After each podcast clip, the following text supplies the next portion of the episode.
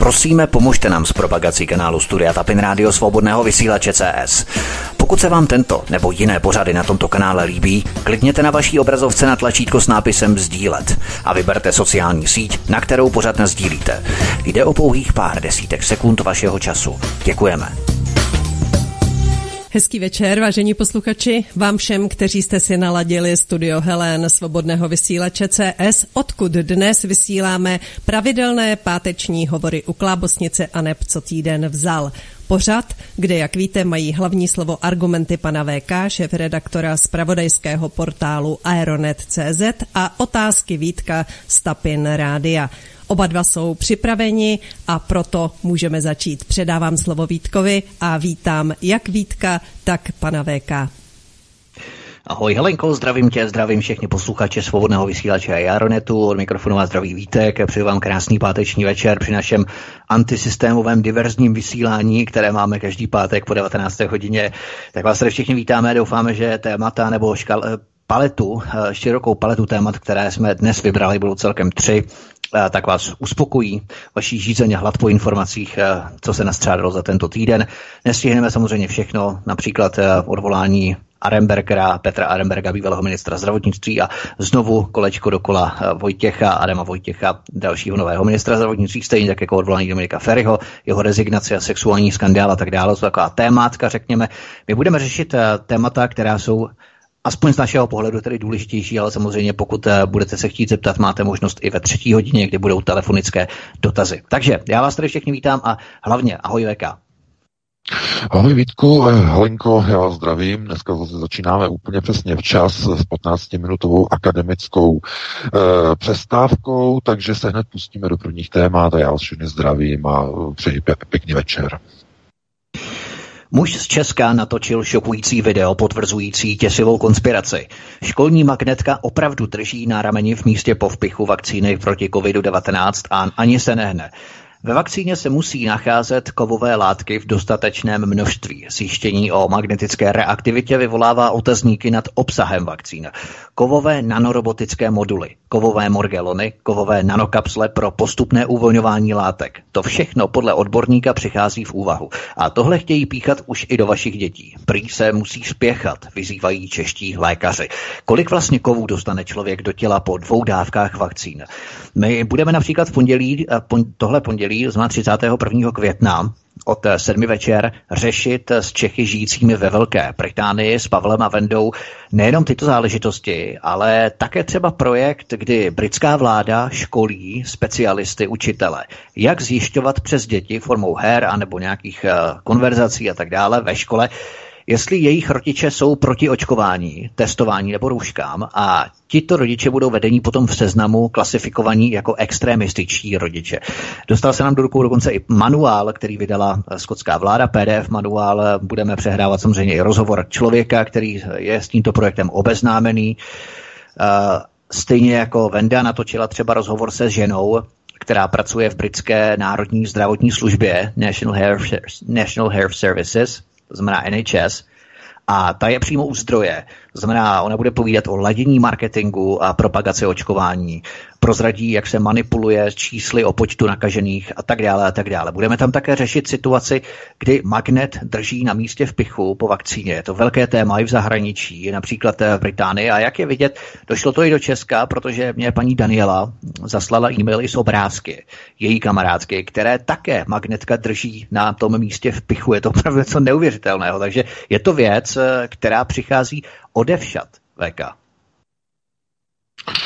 No samozřejmě, to je závažné téma, e, protože to má mnoho přesahů, jakoby i nad rámec toho, toho článku posledního na Aeronetu, eh, který si vlastně můžete přečíst. Je tam i to video od našeho čtenáře, které nám dneska zaslal. To se určitě na to podívejte, protože to opravdu vyvolává velké znepokojení a hm, ještě více otazníků.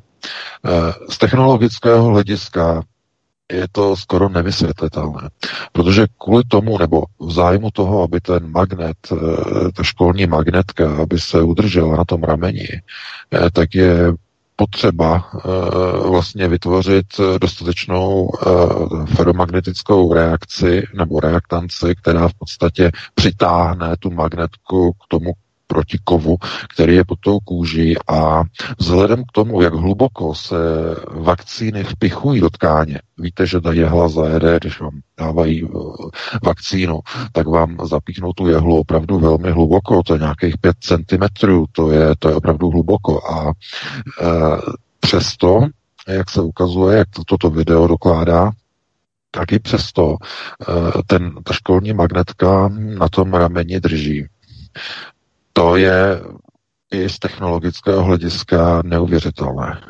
Eh, protože a dnes lze si představit, eh, kdyby pod kůží, těsně pod kůží, jak máte epidermis, to znamená těsně pod kůží, eh, řekněme v té hloubce několika milimetrů, kdyby tam byla nějaká kovová částice, přiložíte na kůži magnet, ono to tam drží, bylo by to naprosto vysvětlitelné, ale tohleto, mechanika Eh, takovéto reakce je opravdu v rovině mm, dosud nepopsaných experimentálních pokusů.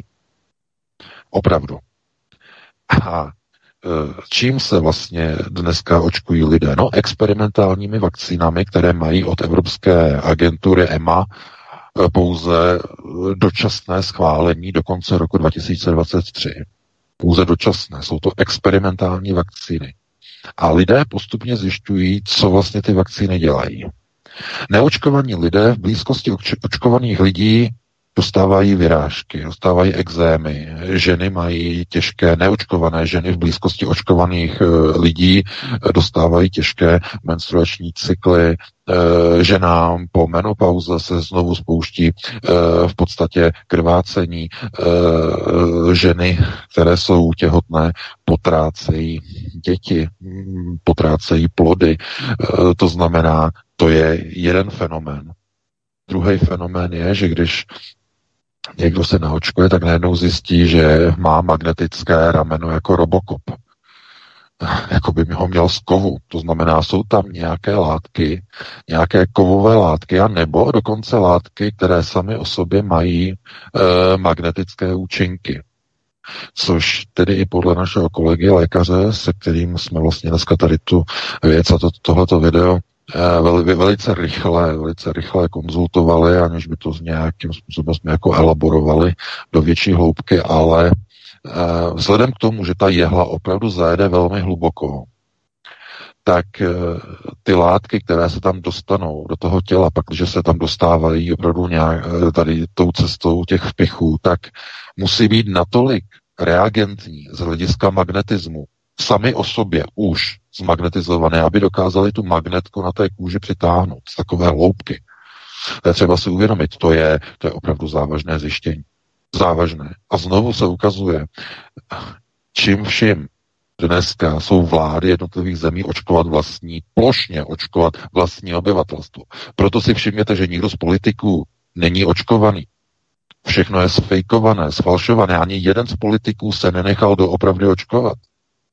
Všechno bylo eh, nafejkované, píchání do košile a podobné. V Izraeli, jak politici se nechali píchat do košile, jsou videa na internetu, že ministr hospodářství Izraele se nechal, si nechal jehlu píchnout do košile, jo, a zachytila to kamera, která směřovala ze zhora to znamená velký skandál a jako teď je to jako video, video je mazaný samozřejmě z YouTube a tady to, aby se to neprofláklo, no jistě, protože jsou vyvolení a vyvolení se nikdy nenechají očkovat něčím, co je určené pouze pro gojím. Není dovoleno. To znamená, ani Babiš není očkovaný, nikdo není očkovaný. To je prostě, chápete, oni se hrajou prostě divadílko, že jo, oni jim tam vpíchnou biologický rostok, že vitamin, maximálně vitamin, ale většinou biologický rostok a to je všechno. Co pak jste někde viděli? Aby se vláda, eh, šéfové obrany, že generálové a podobně, aby se nechali očkovat experimentálními vakcínami, co je to, co je to prostě za, za nesmysl, že si to někdo může myslet, že experimentálníma vakcínama se bude očkovat generální štáb. To je něco naprosto neuvěřitelného. Tomu e, nemůže věřit ani malé dítě. No a obyčejní lidé, e, ti ano, ti ano. ti jsou vymytí, mají vymité mozky, že po rok a půl dlouhé masáži mediální, očkování osvobozuje, očkování, že, že vakcín, vakcín machtvraj, os, osvobozuje, osvobozuje. No a lidé potom stojí fronty a ne, že se nechají očkovat. Když se nechají očkovat, tak začínají potom zjišťovat různé věci. A jednou z nich je, že e, mají magnetismus v rameni v místě v pichu. Jak je to možné? Že to slučilo. A teď lidé budou, zjišť... prosím vás, to, že něco je magnetického, e, to je asi zhruba asi to nejmenší, co můžete zjistit. To znamená, že jestliže vám tam drží ta magnetka, tak co to znamená? No znamená to, že po vpichu se vám v tom místě objevila jej, uh, nějaké kovové látky, v lepším případě pouze ferromagnetické látky, to znamená, které reagují v magnetickém poli, anebo v horším případě přímo látky, které sami o sobě už uh, mají magnetické pole, to znamená, mají vlastní magnetismus. Jistě si dovedete představit, co by to bylo, kdyby se vám do těla dostaly některé supersilné magnety z průmyslu, průmyslové supermagnety. Jistě znáte takzvané neodymium. Neodymiové magnety, supermagnety, které opravdu i v malém množství generují obrovské magnetické pole. Um, pokud máte v hloubce 5 cm něco vpíchnutého a drží to magnet, kde je vyloučeno, že to nemůžou být třeba něk- některé malé stopové prvky v nanometrové velikosti nějaké částice, které jsou z neodýmia. Eh, ano, samozřejmě to je spekulace, ale eh, to jako není normální, protože eh, přirozené kovy, které člověk má v těle, že? To znamená železo a další prvky, tak ano, má v krvi a tohleto, jenže prosím vás, to jsou, to jsou, to jsou stopová množství, stopová to není něco, že tady budete mít tak a tady já mám 20 gramů kovu, že jo, a na těch 20 gramů tam dám magnet a ono mi to drží, tak to, to nefunguje, prosím. Takže eh, to není z přirozeného eh, objemu kovů v těle, v lidském těle. Tohle to opravdu ukazuje na něco, co vůbec o vakcínách nevíme. A teď je otázka, jestli se to týká pouze té jedné, konkrétně zmíněné naším čtenářem v tom e-mailu, konkrétně té vakcíny od AstraZeneca, anebo se to týká i e, vakcín od jiných firm, jiných producentů, jako je Pfizer, Moderna, Johnson Johnson, uh, Sinopharm a další. To znamená, to se musí všechno jako zjistit, to se musí prověřit, ale každopádně, jak píše náš čtenář, to není normální. To naprosto není normální. Aby vám na rameni držela magneta, to je, to je, to je overkill. Opravdu. A může se tomu někdo divit? Nemůže. Protože znovu, je třeba si uvědomit, kdokoliv se nechá očkovat, podstupuje experiment s experimentální vakcínou. A když máte experiment a experimentální vakcínu, musíte očekávat neočekávatelné výsledky toho experimentu, neočekávatelné reakce, neočekávatelné fenomény, jako třeba, že vám magnet drží na rameni. To se potom nemůžete divit. A když vás potom různí zaměstnavatelé motivují, že vám dají Dneska jsme dostali eh, od našeho čtenáře, to potom o víkendu bude, bude článek. Eh, eh, jedna firma motivuje své zaměstnance tím, že dostanou 3000 korun, když budou plně očkovaní, tak dostanou motivační příplatek za to, že jsou očkovaní ve výši 3000 korun. Je to jeden podnik, jeden závod. Dostali jsme papír ofocený, takže takže bude článek, ale chápete, takže se na tom podílí vlastně i průmyslový sektor, to znamená, že motivuje své zaměstnance, no a e, teď, co to bude znamenat? No, reagence, samozřejmě pokud budete mít nějaké kovy a ty kovy budou potom reagovat v nějaké fázi, v nějaké části, tak si musíte uvědomit, že taková osoba e, bude, a teď to řeknu opravdu tvrdě, bude induktivní. Indukce. No, co je to indukce? No, indukce je e, fenomén, nebo fenomén, fyzikální jev, že velmi dobře pozna, poznaný, uzavírání v podstatě elektrického obvodu skrze magnetický, magnetické pole. No a když máte nějaká potenciálně, říkám potenciálně, kovová zařízení ve svém těle, tak když se dostanete do, řekněme, do prostoru, kde eh, je vlastně generováno elektromagnetické působení, to znamená elektromagnetické pole, tak eh, ty části se v tom těle začnou na toto reagovat. A jednotlivé primitivní stroje se mohou začít pohybovat. Pokud vás zajímá že to je, to zázrak, že to je zázrak. No, není to zázrak, na tady tom principu fungují transformátory, ale v, ne, v neposlední řadě na tomto principu fungují i vaše chytré telefony a říká se tomu bezdrátové nabíjení. Máte ho už pomalu v každém novém autě. Bez kabelu. Pomocí indukce elektromagnetické nabíjení.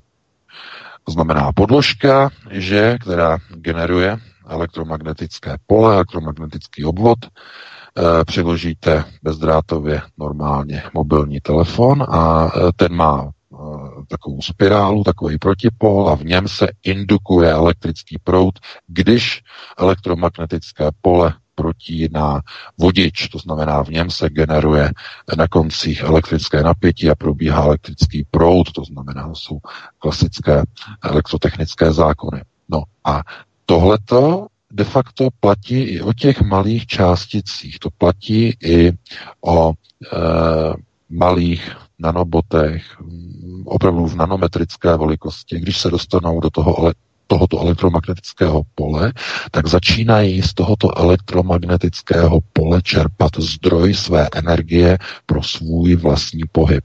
Stejně jako když vy nabíjíte z té podložky bezdrátově ten telefon, tak ten telefon získává z toho generovaného elektromagnetického pole energii, elektřinu a pohání své, to není ani ten dobrý název, to znamená, je generovaná energie, která nabíjí tu baterii, v tom mobilním telefonu. Ovšem to je energie, která jinak může být použita nejen k nabíjení, ale k jakékoliv elektrické činnosti nebo k činnosti elektrického obvodu, jako pohon. To znamená, to je bezdrátový přenos energie k pohybu nebo k mechanickému pohybu. Znamená, ten miniaturní aparát, který se tam může nacházet, znamená ta nanorobotická částice, ten robotek maličkej, eh, případně nějaký ten morgelon, tak získává energii eh, z tohoto elektromagnetického pole. No a eh, pohybuje se a vykonává nějakou činnost a to je opravdu velice nebezpečné. Když máte cokoliv ve svém těle a je to z kovu, tak to může reagovat v elektromagnetickém poli v podstatě eh, na jakýkoliv indukční podnět. A pokud mluvíme o indukci, tak jsme doma. To je přesně to, k čemu můžou být tyto technologie zneužity. To znamená, aby pomocí elektromagnetické indukce byly napájeny a poháněny miniaturní nanorobotické stroje, aparáty ve vašem těle k a teď k nějakému účelu, medicínský účel, aby vám třeba nějaký ten robot dodal e, do těžko přístupného místa v mozku nějakou léčebnou látku, anebo k méně prospěšným věcem jako e, nanorobotický bojový nástroj, který se má, který je naprogramovaný, aby se dostal do vašeho srdečního svalu a tam vám způsobil e, srdeční arytmii a zabil vás. Aby došlo k zástavě srdce a vypadnete na zem a řekne se, eh, řek, a e, lékaři řeknou, jejda, on měl srdeční infarkt, no jaká je to špatný životní styl, že on umře, ale ve skutečnosti byl zabit na dálku. Byl se covid, že měl covid. ano, že nebo že měl covid, byl prostě vypnutý na dálku dostanete srdeční arytmii a najednou si řeknete, z čeho to je. A jak myslíte si, že dneska při těch pitvách, eh, když je to pozor, když je stanoveno, že jde o přirozenou příčinu smrti, pitva se neprovádí. To znamená, že ani na pitvu nedojde. Ani na tu pitvu nedojde. A já se obávám, že i kdyby na tu pitvu došlo byly tam nějaké podezření, tak eh, ty nanorobotické částice tam nenajdou, protože nebudou dělat takový úplně rozbor, aby hledali někde nějaké prvky, eh, jestli tam v nějakém tom nanometrickém spektru se nacházejí nějaké, nějaké částice, které v té době už můžou být dopravené někam úplně jinam a eh, důvod vlastně té srdeční zástavy se nikdy nezjistí. Eh, to je naprosto něco naprosto neuvěřitelného, ale naprosto reálně proveditelného. To znamená, že když tolikhle lidí bude mít v sobě nějakou vakcínu, a teď zase otázka, kolik těch lidí je, že eh, kde se toto projevuje. To znamená, kolik lidí bude mít tyto feromagnetické nebo kovové látky v těle, mm, tyto nějaké hypotetické nanorobotické stroje, eh, jak budou reagovat na elektromagnetické pole. No to může být velice, velice různé, eh, ale teď zase znova eh, lidský mozek, jak funguje na elektrochemické bázi, čistě jenom na bázi tedy různých podnětů, změna myšlení na uvolňování jednotlivých eh, hormonů, to znamená jenom malé množství hormonů, dokáže otevřít některé filtry v mozku nebo naopak uzavřít. A mm, ano, taková technologie potom dává určité eh, obavy, že Může to být zneužito například ke kontrolování, eh, hromadnému kontrolování mysli obyvatelstva, konání a jednání, nebo nekonání a nejednání obyvatelstva, to znamená mohutný uh, crowd control, to znamená ovládání davu, což byl jeden z faktorů, nebo řekněme jeden z hlavních programů uh, americké CIA, který navazoval uh, na projekt MK Ultra, kon- konkrétně v rámci programu Monarch, uh, tedy kontrolování davů pomocí médií, pomocí chemických látek a pomocí různých, eh, řekněme, preparátů a zařízení, eh, které jsou dopravovány do organismu člověka. Chemické látky, eh, hormony, látky skryté v potravinách, v léčivech, ve vodě, Tohle to všechno, jakým způsobem do lidí prostě dostat látky, které by byly hm, využitelné k ovládání obyvatelstva, snižování produkce testosteronu ke snížení agresivity, nejprve tedy agresivity populace, ale ve vyšší míře ke ztrátě půdu sebezáchovy. Například testosteron je samozřejmě hlavním hormonem, mužským hormonem.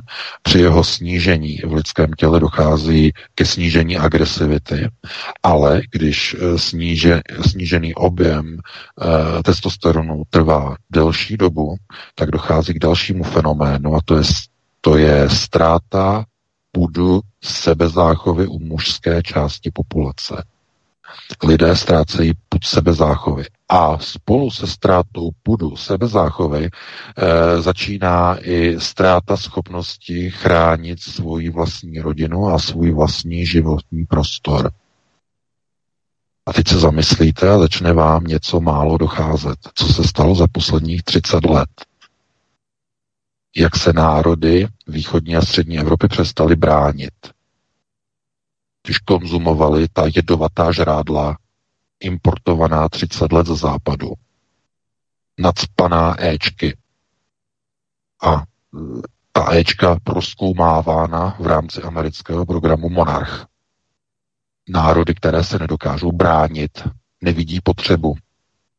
Obrovský, obrovský pokles úrovně testosteronu e, mužů ve střední a východní Evropě neschopnost bránit své vlastní zájmy, neschopnost bránit své vlastní děti, své vlastní rodiny. Uh, úpadek de facto onoho binárního rozložení muže-žena, obrovský rozvoj homosexualismu a homosexuality především, protože homosexualismus je politismus vzniklý z homosexuality, ale něco jiného. To je politická, i politický nástroj, ale homosexualita, rozvoj po roce 1989, ten obrovský nárůst, Eh, to je, eh, ano, v důsledku onoho eh, chemicko-biologického řízení na páté prioritě v rámci programu Monarch. No a tohleto, když jenom odbočíme od toho, tak pokud tohle bude mít člověk vlastně v těle jakési kovové látky, tak bude mít v sobě poháněné malé robotické stroje, které budou připraveny něco provádět, něco vypouštět, protože máte na internetu spoustu zdrojů od eh, společnosti nebo řekněme od organizace DARPA, což je výzkumná organizace amerického Pentagonu na vývoj pokročilých technologií, kdy oni vyvíjejí nové nanorobotické kapsle mm, z kovových částic, které vlastně mají zapouzdřené údajně v uvozovkách léčebné materiály, ale může tam být vložený v té nanokapsli i látka, e, která je vražedná, například kyanidrasel. A když se ta látka dostane do elektromagnetického pole, tak v rámci indukci se spustí ty malé motorky, které tam jsou, jsou primitivní a řekněme, na té nanometrické úrovni malé primitiv, primitivní motorky, které de facto, když jima začne probíhat malý elektrický proud, tak se otevřou a vypustí ten náklad z toho eh, nanopouzdra, z té nanokapsle, ten kyanid draselný, ten se vypustí v tom srdečním svalu a zabije člověka, způsobí mu okamžitou srdeční arytmii a zástavu. Člověk umírá. Je to to je technologie na, na zabíjení lidí bez jakékoliv stopy. To znamená úplně dokonale. Tohle to už tím už disponuje americká CIA. Je docela možné, že to poskytli i Koudelkovi, že i BIS už má tyhle ty technologie, e, takzvané půjčené od nich na vyzkoušení, tuhle, tamhle, to je samozřejmě spekulace, ale ty technologie jsou velice daleko v dnešní době. E, když někdo umře náhle a Dneska už je těžké říct, bylo to přirozené nebo ho oddělali. Dneska už okolo roku 2021 je to velmi těžké. Pokud zemře někdo, kdo je mladší, je mu méně než, než 60, eh, jenom trošku se zabývá o politiku nebo je mediálně známý a zemře, je tam vysoká pravděpodobnost, že byl takzvaně ukončen, byl terminován. A nikdo to nezjistí. Naprosto nikdo to nezjistí.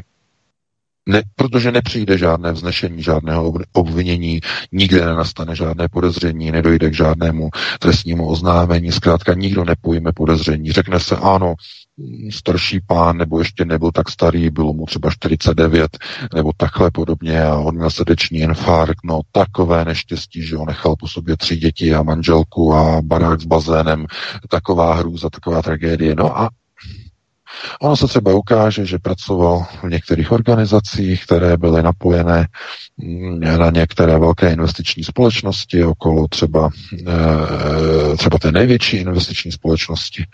Eh, jejíž majitel za zvláštní okolností zahynul na Aljašce. A to už já nebudu ani rozebírat, protože to je předmětem se nějakých jiných věcí a jiných článků, které v budoucnu a zřejmě se objeví.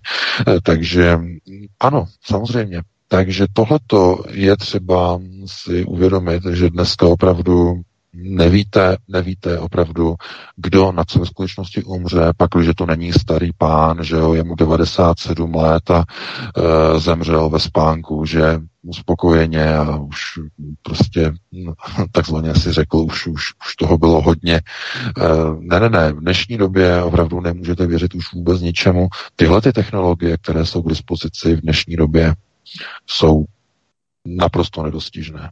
Naprosto. Proto si všimněte, Vladimir Putin, když někam jede, někam do zahraničí, eh, tak on má vlastní sklenici, on má vlastní pohár na pití, vlastní, eh, vozí si vlastní vodu, vlastní minerálku. Eh, všimněte si, že rukama se nedotýká stolu, protože tam všude to může být kontaminované, tam můžou být nanorobotické stroje e, nanesené na povrch okraje sklenice, aby on se napil a oni ho potom za půl roku mohli na dálku vypnout, na dálku mu spustit srdeční arytmii a odstranit ho, zabít ho. Takhle se to dělá dneska v zpravodajských službách odstraňování lidí. pomocí těchto zařízení. A to, když já vidím tohleto pána, který se nechal očkovat a magnet mu drží na ruce, tak mě napadne, no jo, už to mají všichni, co se nechali očkovat, už to mají všichni v sobě. Dálkové vypínače. Samozřejmě, že to je spekulace, to teď neberte eh, za nějakou, eh, za nějakou jako danou věc. To prostě, eh, já to jenom donáším prostě do důsledku, co prostě všechno může z toho vyplynout. Naprostá spekulace. Ale mm, vzhledem k tomu, kolik mám načteno, kolik mám zjištěno v těchto věcech, tak tohleto, kdyby mi dělala moje ruka, že mi tam drží magnet, tak to co by to asi, to nevím, co bych, co, jak bych reagoval, protože by to znamenalo, že jsem napojený a to už by byla síla. Takže opravdu já myslím, že na alternativě máme dost informací i lidé, kteří nás poslouchají, kteří, kteří čtou alternativu, tak mají dost informací, aby si uvědomili, nakolik eh, je opravdu nebezpečné nechávat se očkovat různými látkami, eh, vakcínami, které mají status experimentálních vakcín, které není možné žalovat ze statusu, že mají ochranu a mají výjimky od Evropské unie, od americké FDA. Nelze farmaceutické společnosti žalovat za tyto vakcíny. Mají indemnity, mají nežal, ochranu nežalovatelnosti, protože to je status e, experimentálních vakcín, které mají výjimku pro plošné použití. To znamená, že když tady umře tenhle ten člověk, tamhle ten člověk, tenhle ten, tak se řekne, aha, hm, byl to jeden z těch, které mu ta vakcína takzvaně nesedla. A Eh, kde potom najdete jistotu, že to bylo opravdu z nějakého vedlejšího účinku, anebo takzvaně na dálku ho vypnuli. Kde najdete tu jistotu? To znamená, dívejte se na populární, eh, řekněme, eh, různé lidi, kteří vezmou si vakcínu, nevezmou si vakcínu, co za nima je, co za nima není. Ale opravdu jako vždycky, když se nahlásí nějaká zpráva, nějaká informace, že zemřel tenhle ten člověk, ten, který propagoval vakcínu a najednou on propagoval vakcínu a on najednou zemřel po první dávce a tak dále a tak dále, tak ano, je to takové chucpe, takové to chucpátko, které si zatančilo že s vtipem eh, a někdo by řekl, no, dobře mu tak, ale ono to tak není, protože ti lidé, kteří toto propagují, tak oni tomu opravdu věří. Oni jsou obětmi té obrovské mediální manipulace, oni tomu věří. Oni se nechají vačko, že jo, očkovat, vačkovat a e, prostě jim to takzvaně řekne se, ono jim to nesedlo, že ono jim to nesedlo, ono jim to způsobilo krvácení nebo srážení krve, že e, došlo k zástavě srdce a zemřeli. A tohle to opravdu je vždycky s takovým tím velkým přesahem, s tím velkým otazníkem, uh, protože zase se musíte dívat, jestli ten člověk byl starý, nebo ten člověk byl mladý, jaké, jakou měl v podstatě anamnézu, že uh, byl, tak, byl na tom zdravotně dobře, nebo na tom byl špatně, řekne se tak a tak, a ono se řekne, ono mu to třeba jako, jako nesedlo, ale tady u těch vakcín opravdu platí, že víte přece, jaká, jaká jsou fakta. Jsou to experimentální vakcíny. A jestliže se jdete očkovat experimentální vakcínou, musíte očekávat pouze experimentální důsledky, experimentální e, průběh, různé nevysvětlitelné jevy a různé naprosto neočekávané e, důsledky, které z toho očkování mohou vzniknout. Nemůžete se potom tomu divit. To znamená, že když vám potom magnet vysí nějak na ruce, tak se tomu nemůžete divit. Měli jste si to rozmyslet, ale je to samozřejmě těžké, protože uh, zaměstnavatelé vás nutí do toho očkování, dokonce finančně vás jako motivují, abyste se nechali očkovat a uh, vy potom začnete zjišťovat různé věci a ten magnetismus je jenom, jenom jeden z projevů že v těle je něco, co by tam rozhodně být nemělo, protože vytváření efektů a jevů, že vám magnet drží na ruce. To je spíš jakási vize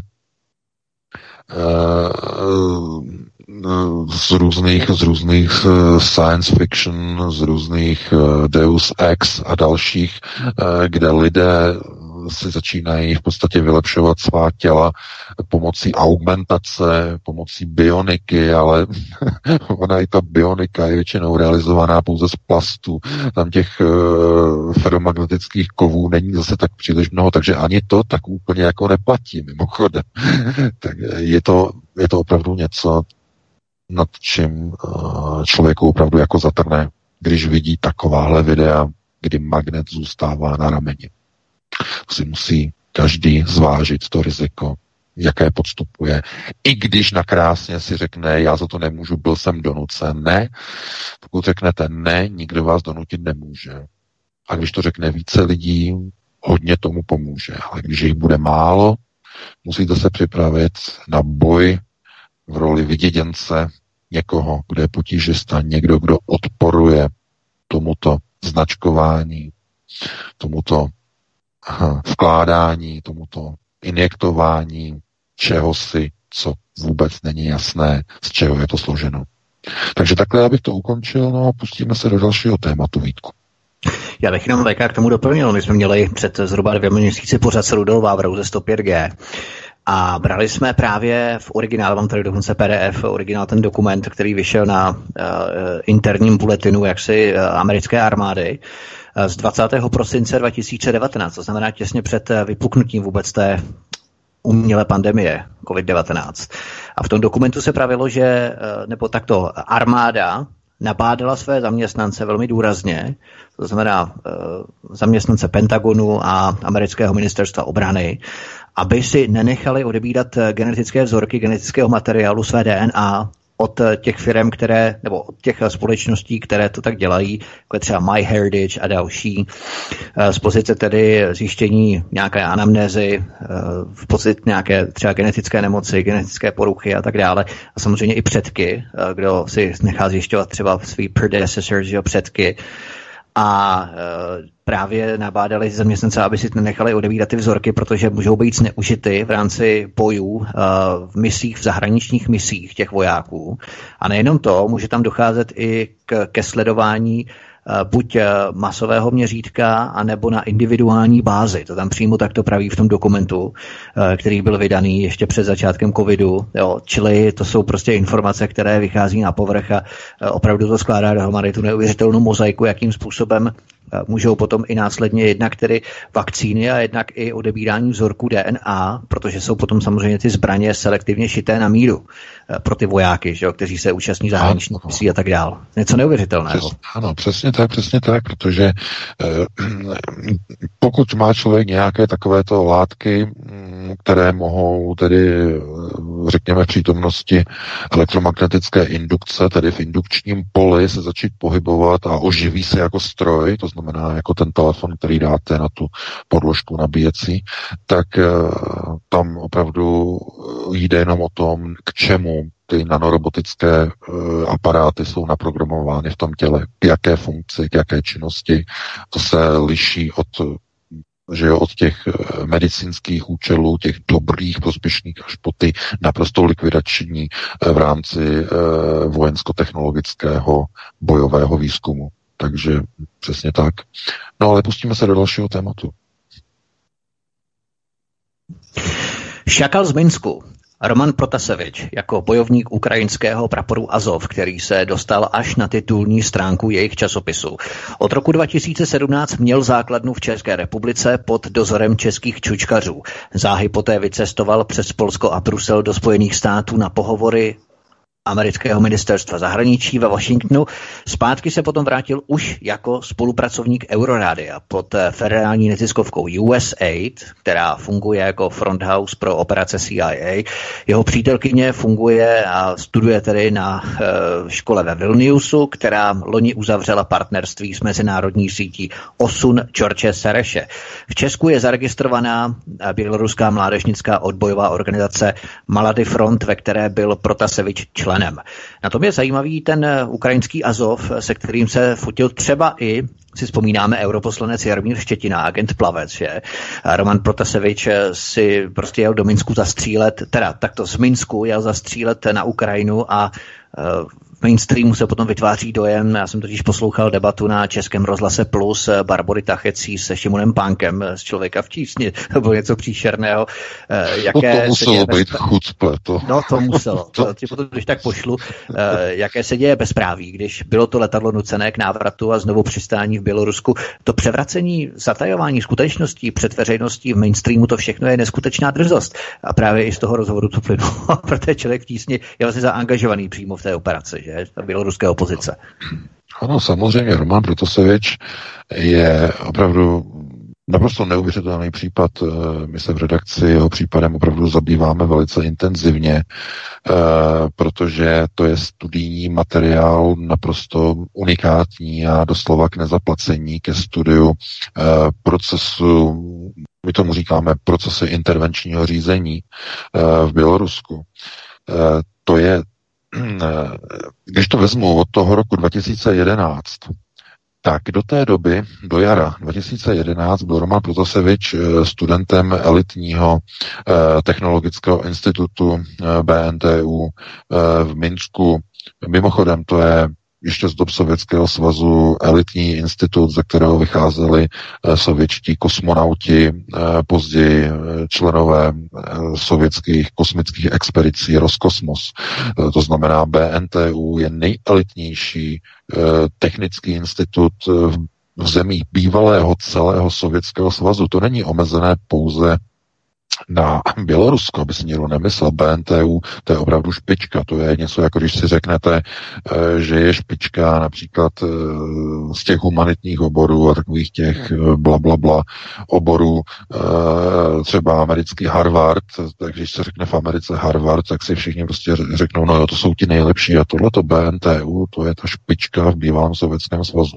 A on na této škole studoval presti- samozřejmě to je, to je něco neuvěřitelného, jako prestižní a nejprestižnější uh, technická škola vůbec, která může být v tomto prostoru bývalého východního bloku. A uh, jeho otec, armádní politruk, armádní politruk, který přednáší na e, vojenské, mohli bychom říkat běloruské vojenské e, akademii a člen e, generálního štábu, jeden ze členů generálního štábu běloruské armády, jeho otec, znamená velký politruk.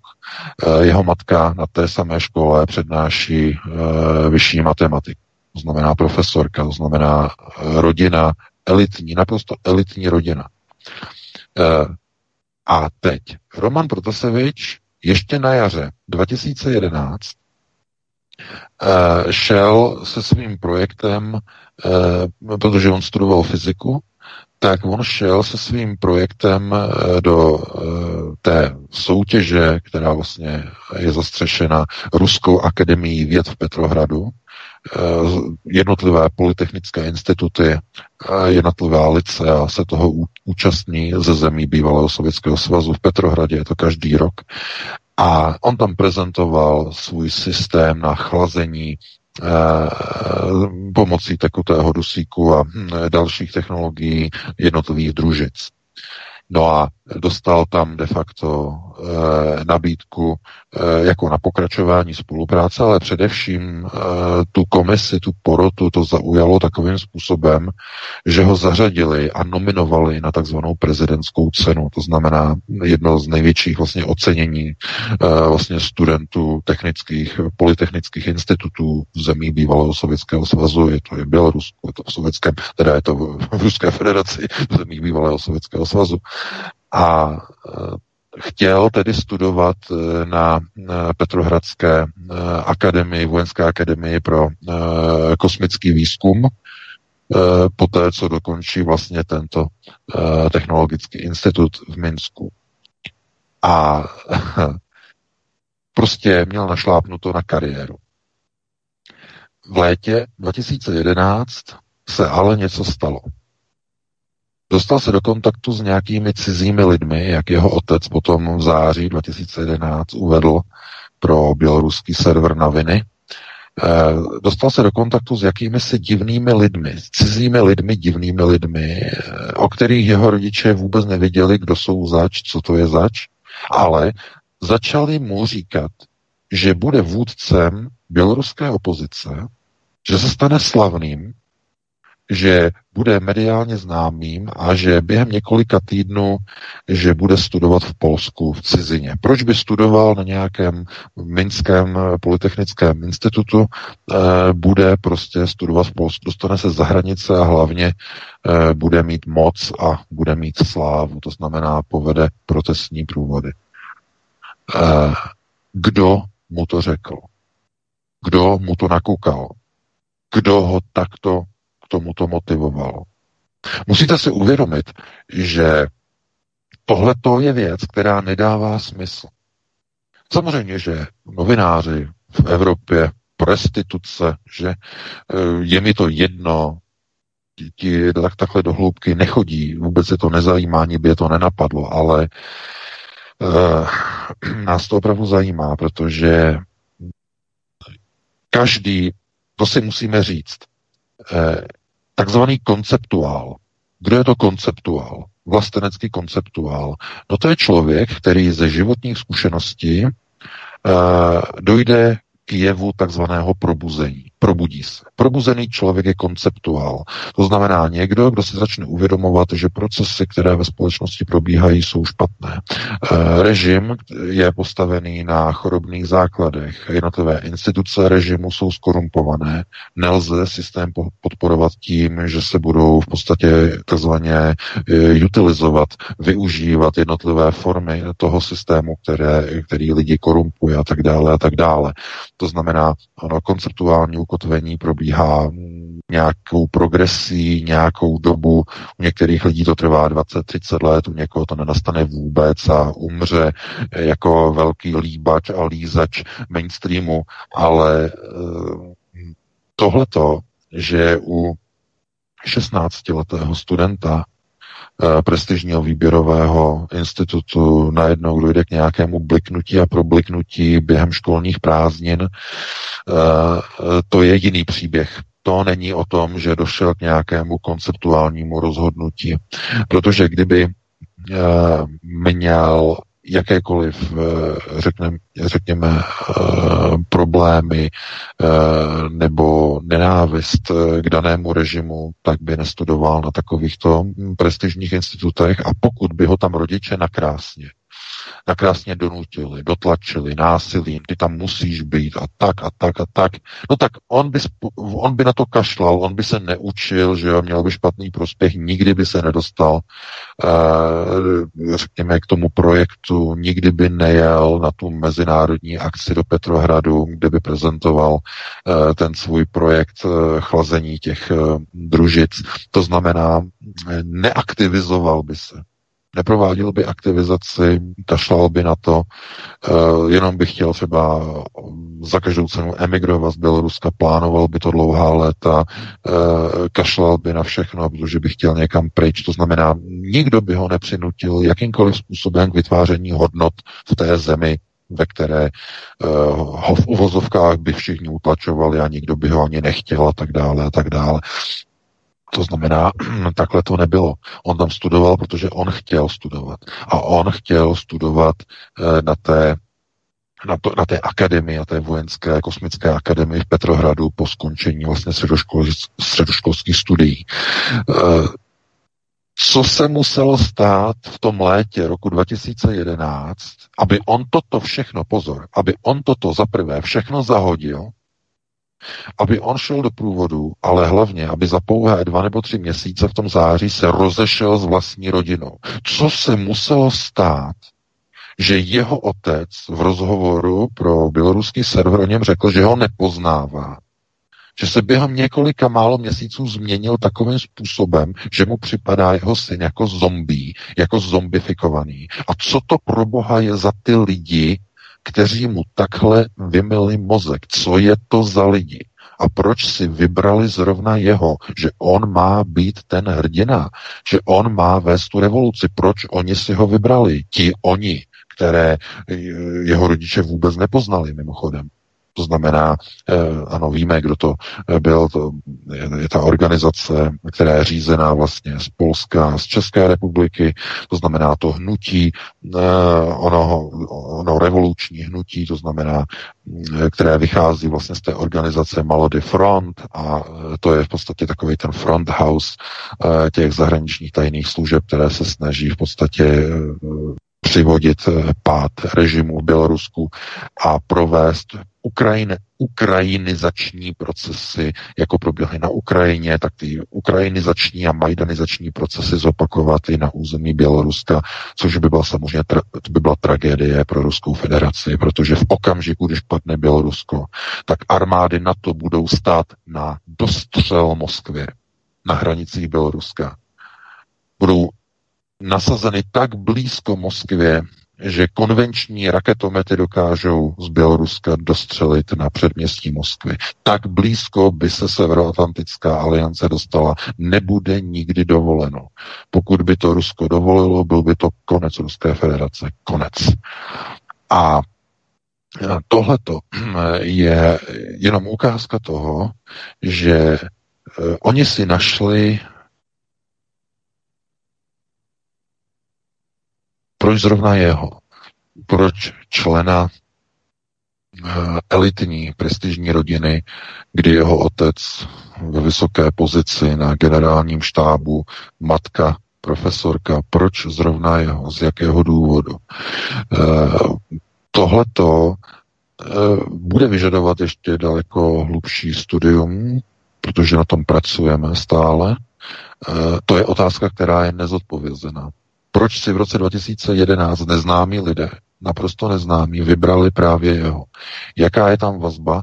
Zjišťujeme něco o rodičích jeho rodičů, znamená o jeho prarodičích, jestli jsou tam některé židovské vazby, sionistické vazby, vazby na eh, KGB, bývalou sovětskou, případně vazby ještě z dob eh, první světové války, eh, jestli jsou tam nějaké stopy, jestli tam jsou některé aktivity, které by byly iniciované z okruhu rodiny, že někdo by působil z příbuzenstva dálkově na Romana Protaseviče, to znamená bez vědomí rodičů, někdo z dálky, někdo z ciziny, ale ne úplně cizí, ale někdo třeba ze vzdálenějšího příbuzenstva, protože tohle to nepřichází samo od sebe.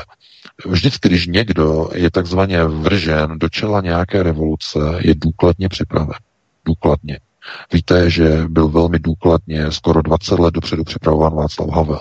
Již v roce 68 ho začali připravovat na to, že povede jednou uh, onu klauniádu v roce 89. Uh, tehdy ještě neviděli, že to bude rok 89. Oni měli 30-letý plán na rozbití východního bloku globalisté. Ale uh, už tehdy v roce, 80, uh, v roce 68 už měli vyhlídnutého Eh, Václava Havla. A proč si ho vybrali? No, Václav Havel byl naprosto ideální kandidát. Prvo, pocházel z velmi bohaté, zámožné prvorepublikové rodiny, která e, vlastnila Lucernu, velice úzce propojená na různé e, takové ty prvorepublikové vazby a samozřejmě, že byl jako vychováván k takovému tomu e, pražskému e, vysokosmetánkovému snobismu, který ovšem e, tvrdě narazil v roce 1948 a později. To znamená, že oni tam ta volba byla poměrně jasná, byla poměrně logická a tím, že byl umělec, to bylo dokonce ještě podtržené takovým tím exaltova, exaltovaným postojem, že e, bude se lidem líbit, protože je zneuznaný umělec a zakazovaný umělec, to na lidi opravdu jako působí. Znamená, ono se tomu říká, že to je clown e, s potrhanýma čepičkama, bambulema, to znamená, e, velmi to působí na lidi, na gojím, kteří okamžitě začnou reagovat a začnou podporovat. Znamená, to je taková ta Pavlovova reakce, to znamená, ukážete pomeranč, začnete slinit, takhle to funguje na gojím, ukážete uh, týraného umělce, okamžitě začnou gojím, prostě si ho volit za prezidenta, gojím, gojím, ale uh, tohleto, že si vybrali Protaseviče, to je něco jiného. Protože uh, on nemá žádnou historii. On jako mladík, tehdy v roce 2011.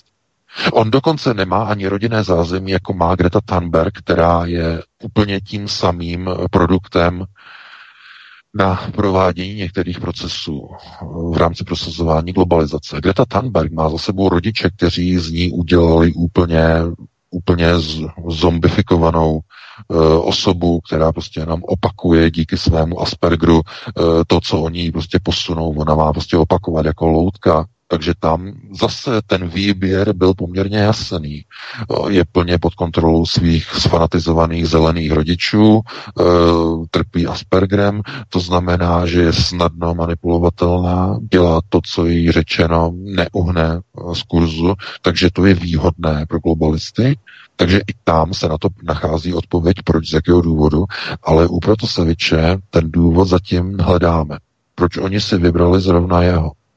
A to je, to je to, co nás děsí nejvíce, protože mm, zatím jsme nenašli důvod, proč oni si ho vybrali v roce 2011. Tam musí být něco, co ještě musí být odhaleno, co ještě není na veřejnosti. Něco naprosto zásadního, proč oni si zrovna vybrali rodinu Protasevičových.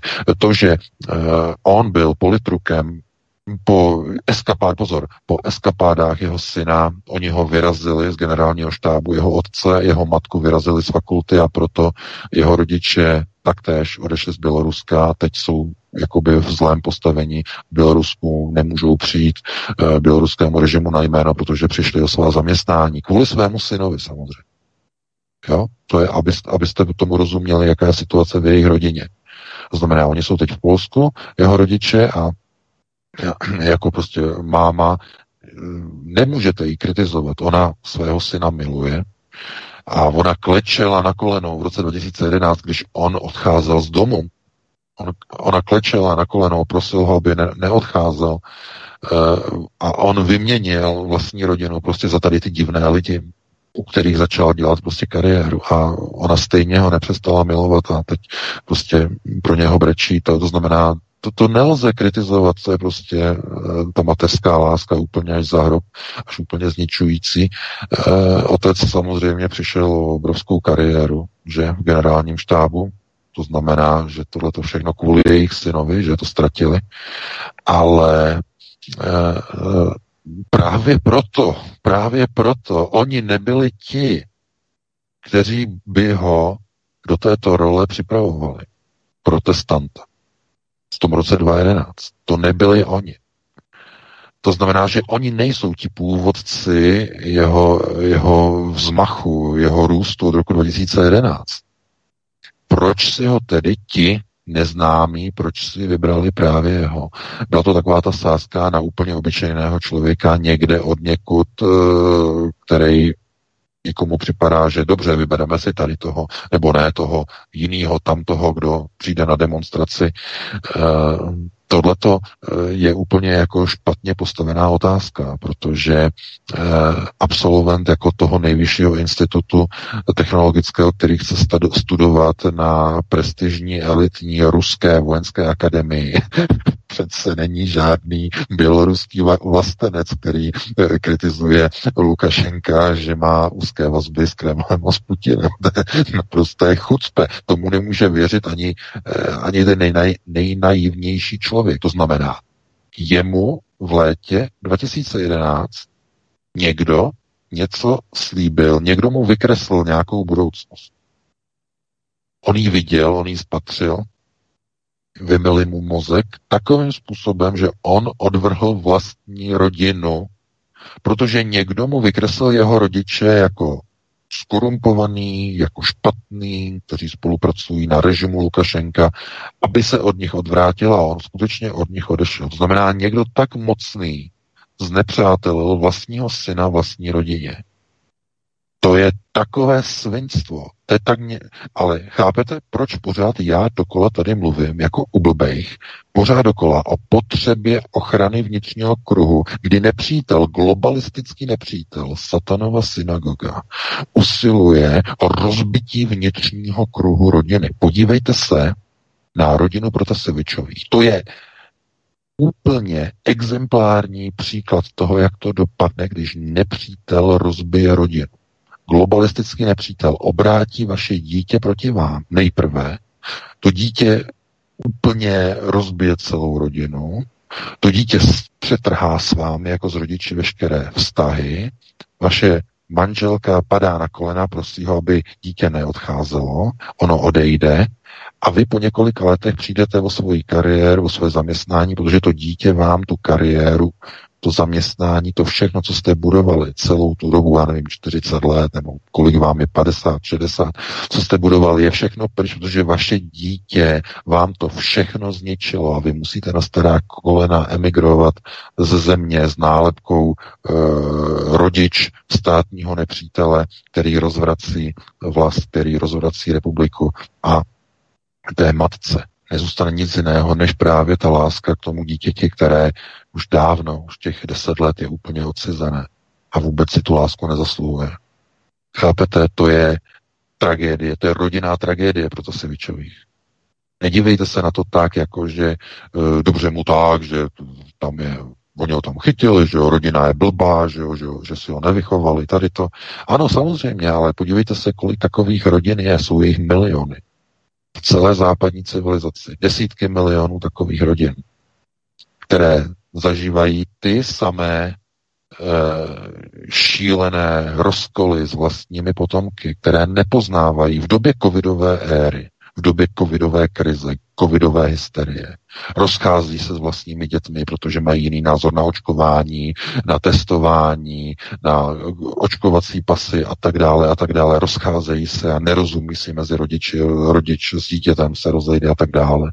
To znamená, tohleto je pouze ukázkou toho, že to není izolované jenom na Rusko nebo na některé, řekněme, takové ty velmi prestižní elitní rodiny, které se dostanou do mediálního podvědomí, ale týká se to obecně celé západní populace. Ochrana vnitřního kruhu, vnitřní rodiny je v nejhorší situaci, v jaké se může nacházet. Vidíme to v České republice, neschopnost rodiny ochránit vlastní děti, když chodí do školy, aby se nemuseli testovat a strkat si špejle do nosu netestované a necertifikované špejle, eh, které vůbec neví, kdo je vyrábí, co se v nich nachází, jaká vlákna se v nich nachází a tak dále a tak dále. To znamená ani to. Ani to nedokážou už dneska rodiče si ochránit, aby ochránili vlastní rodinu. A můžete se potom divit, uh, Natálii a Dmitriovi Protosevičových, uh, ne, Protosevičovým, že nezvládli výchovu vlastního dítěte, nepři, dali mu všechno, on tam říká v tom rozhovoru, rozhovoru. On mohl studovat, kde chtěl, dali jsme mu úplně všechno, všechny peníze jsme do toho vrhli. A on v 16 letech odešel od rodiny jako z hotelu, rozvázal s nima kontakty. To znamená, to je tragédie. A nás zajímá, eh, kde byl ten signál, kde byl ten impuls že oni si vybrali právě jeho. Protože může to být tak, že si ho vybrali kvůli tomu, že opravdu naprosto náhodou, jako sáhnete do klobouku, teď vytáhnete nějaké číslo a tohodle si vybereme, to je jedna možnost. A nebo, a k tomu se přikláníme, oni si ho vybrali kvůli tomu, že eh, v okruhu jeho rodiny a širší rodiny a širšího okruhu příbuzenstva jsou nějaké stopy, které vedou někam, někam do ciziny, někam do zahraničí, někam ke globalistickým strukturám a třeba i z dávné, dlouhé minulosti před třeba dvěma generacemi, před třemi generacemi a tak podobně. Tohle to všechno zjišťujeme, jakmile přijdeme na nové informace, tak přineseme samozřejmě článek na Aeronetu exkluzivně. Takže takhle já bych to uzavřel. To je s tím, s tím velkým přesahem, jakým, eh, nebo s jakým vlastně se dneska ukazuje, že když se dělají revoluce, tak vždycky jsou nasazováni kádři, eh, ale většinou vždycky za těmi kádry najdete ten důvod, proč byli vybráni a u Protoseviče zatím se nepodařilo najít ten důvod a o to více je to zarážející, podivné a bizarní eh, a skryté, to znamená okultní. Takže takhle bych to ukončil a pustíme se ještě do jednoho tématu. Než se do toho tématu pustíme, tak to si můžeme třeba ilustrovat na Baracku Obamovi. Proč ten byl také vybrán? Samozřejmě je Černoch, ale těch Černochů, kteří pracovali na takové nízké pozici, to je tak, Přesně tak. Jo? Přesně tak. Eh, to si řekl velice dobře, Vítku, to si doplnil úplně přesně a pozor, ona není, eh, nebo on není jediný další, koho oni si vybrali, Angela Merkel. To je úplně tak rovněž žena úplně bez minulosti, stejně jako Barack Obama bez minulosti. Neznámo, kdo, kde. No a to je, to je, myslím si, to hlavní to klíčové. To znamená, je, vždycky je spousta, najednou jakoby některých vůdců najdete, začnete pátrat a ře, ře, zjistíte, eh, oni nemají minulost, proč zrovna si vybrali zrovna tohoto konkrétního tohoto, z jakého důvodu, jaký je tam ten přesah. Je to ten vychovaný kádr, který měl nastoupit, měli ho vybraného dopředu a proč se ho vybrali, z jakého důvodu. A to by bylo na jiné diskuze, nemáme čas, takže musíme se pustit do dalšího posledního tématu. Určitě, protože Baracku Obama byl vlastně po střední škole, první, kdo mu dal práci, byl právě Henry Kissinger, že? byl do Bergu, ten mu dal vlastně první job, že Baracku Obama ministerstvo pěstovali úplně od eh, vlastně toho věku 20 let potom až ho vypiplali, tak eh, potom no, ho... Samozřejmě to je stejný, to je stejný jako, jako s Angelou Merkel, která dostala hned job uh, po škole uh, krátce, uh, hned naskočila do asistenčního, uh, do kanceláře Helmuta Kohla, že? Tady bývalého kancléře. To znamená, ano, přesně ten samý důvod, to znamená, někde je vyšlechtěný, někde je vypiplaný přímo, přímo jakoby dopředu, ale ne v případě Protasevič tam je opravdu záhada, eh, po které opravdu pátráme, co byl ten spouštěcí mechanismus, ten důvod, že si vybrali právě jeho. Hmm. Takže hmm. se do posledního tématu. Eh, ještě, já vím, ale jenom úplně poslední věcička k tomu. Angela Merkelová vlastně se rekrutuje z těch struktur v rámci KGB, štázy, a s Vladimírem Putinem, kdy vlastně byl v Berlíně, že podobně jako Václav Havel, podobně jako tito, kteří byli financovaní samozřejmě ze západního Německa, a tak dále. To znamená, že tito lidé v podstatě se rekrutují z eh, té celé plejády těch lidí, kteří byli potom pěstováni v 80. letech, že přeberou otěže z pozice dohody eh, CIA, respektive americké moci eh, Sovětského svazu v rámci Gorbačevova křídla a tak dále. To bychom tady opravdu nad tím strávili hromadu času. Půjdeme dál na další téma.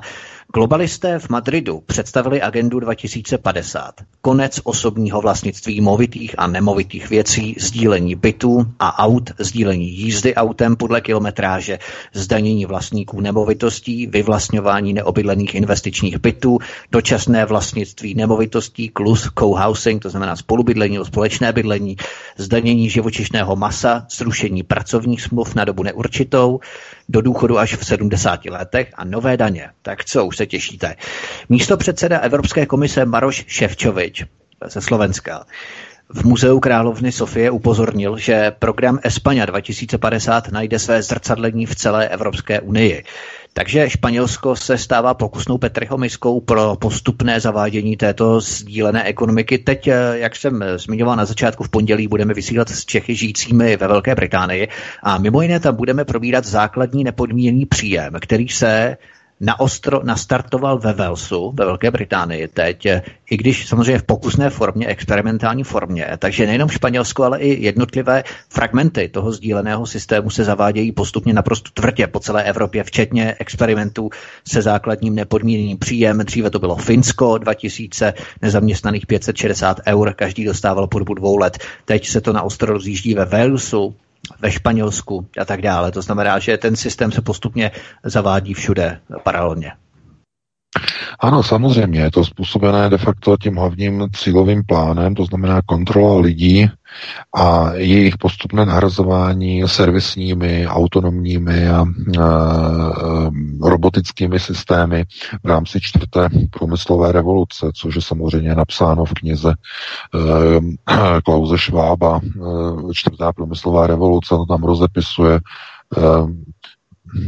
takto, to, co tam píše v té knize, tak se nedá spochybnit, že by to nebyla pravda.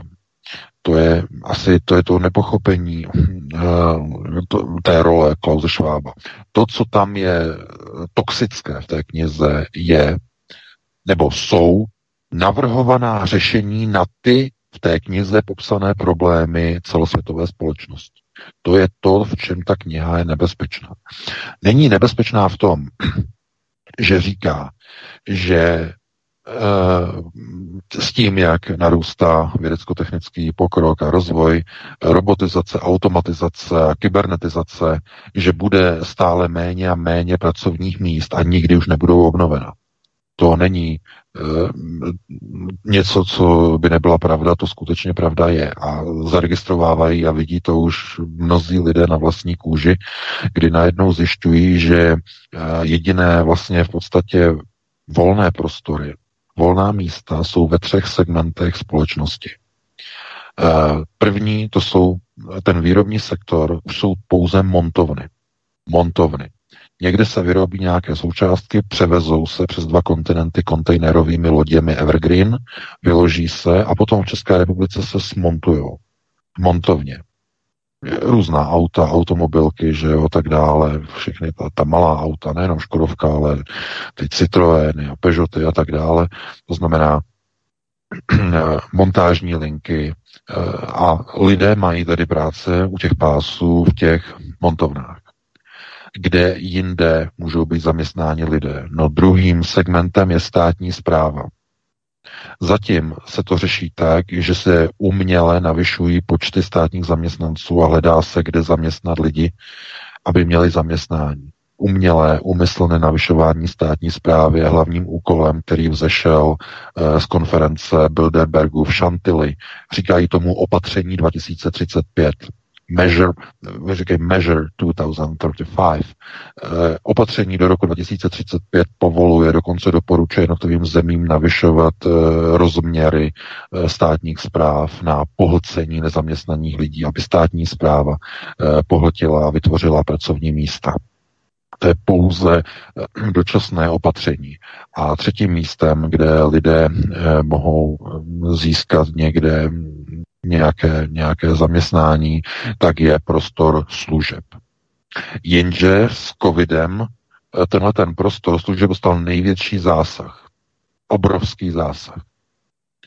A ukázalo se, že ten zásah eh, byl uměle vytvořený, aby nastartoval přechod minimálně té části služeb do digitální ekonomiky.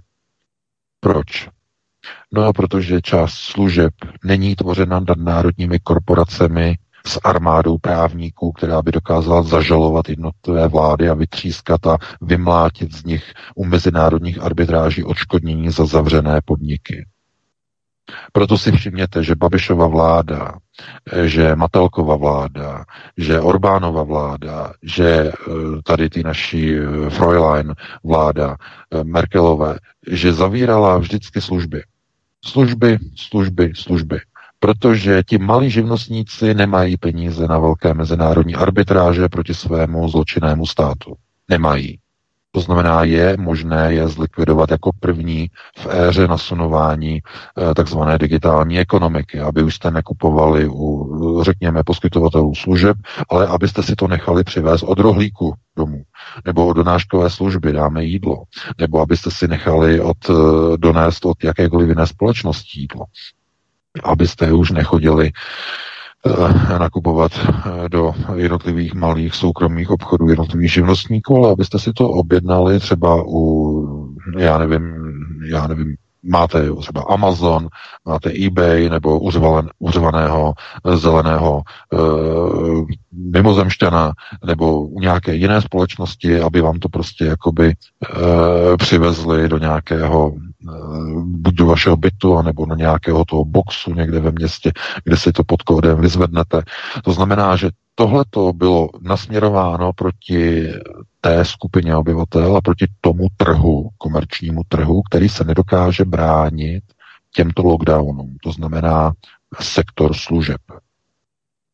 Proto sektor výrobní, to znamená a samozřejmě i to zna, služeb, to znamená jsou zdroje, první sektor, že těžba surovin, tak to nebylo dotčeno.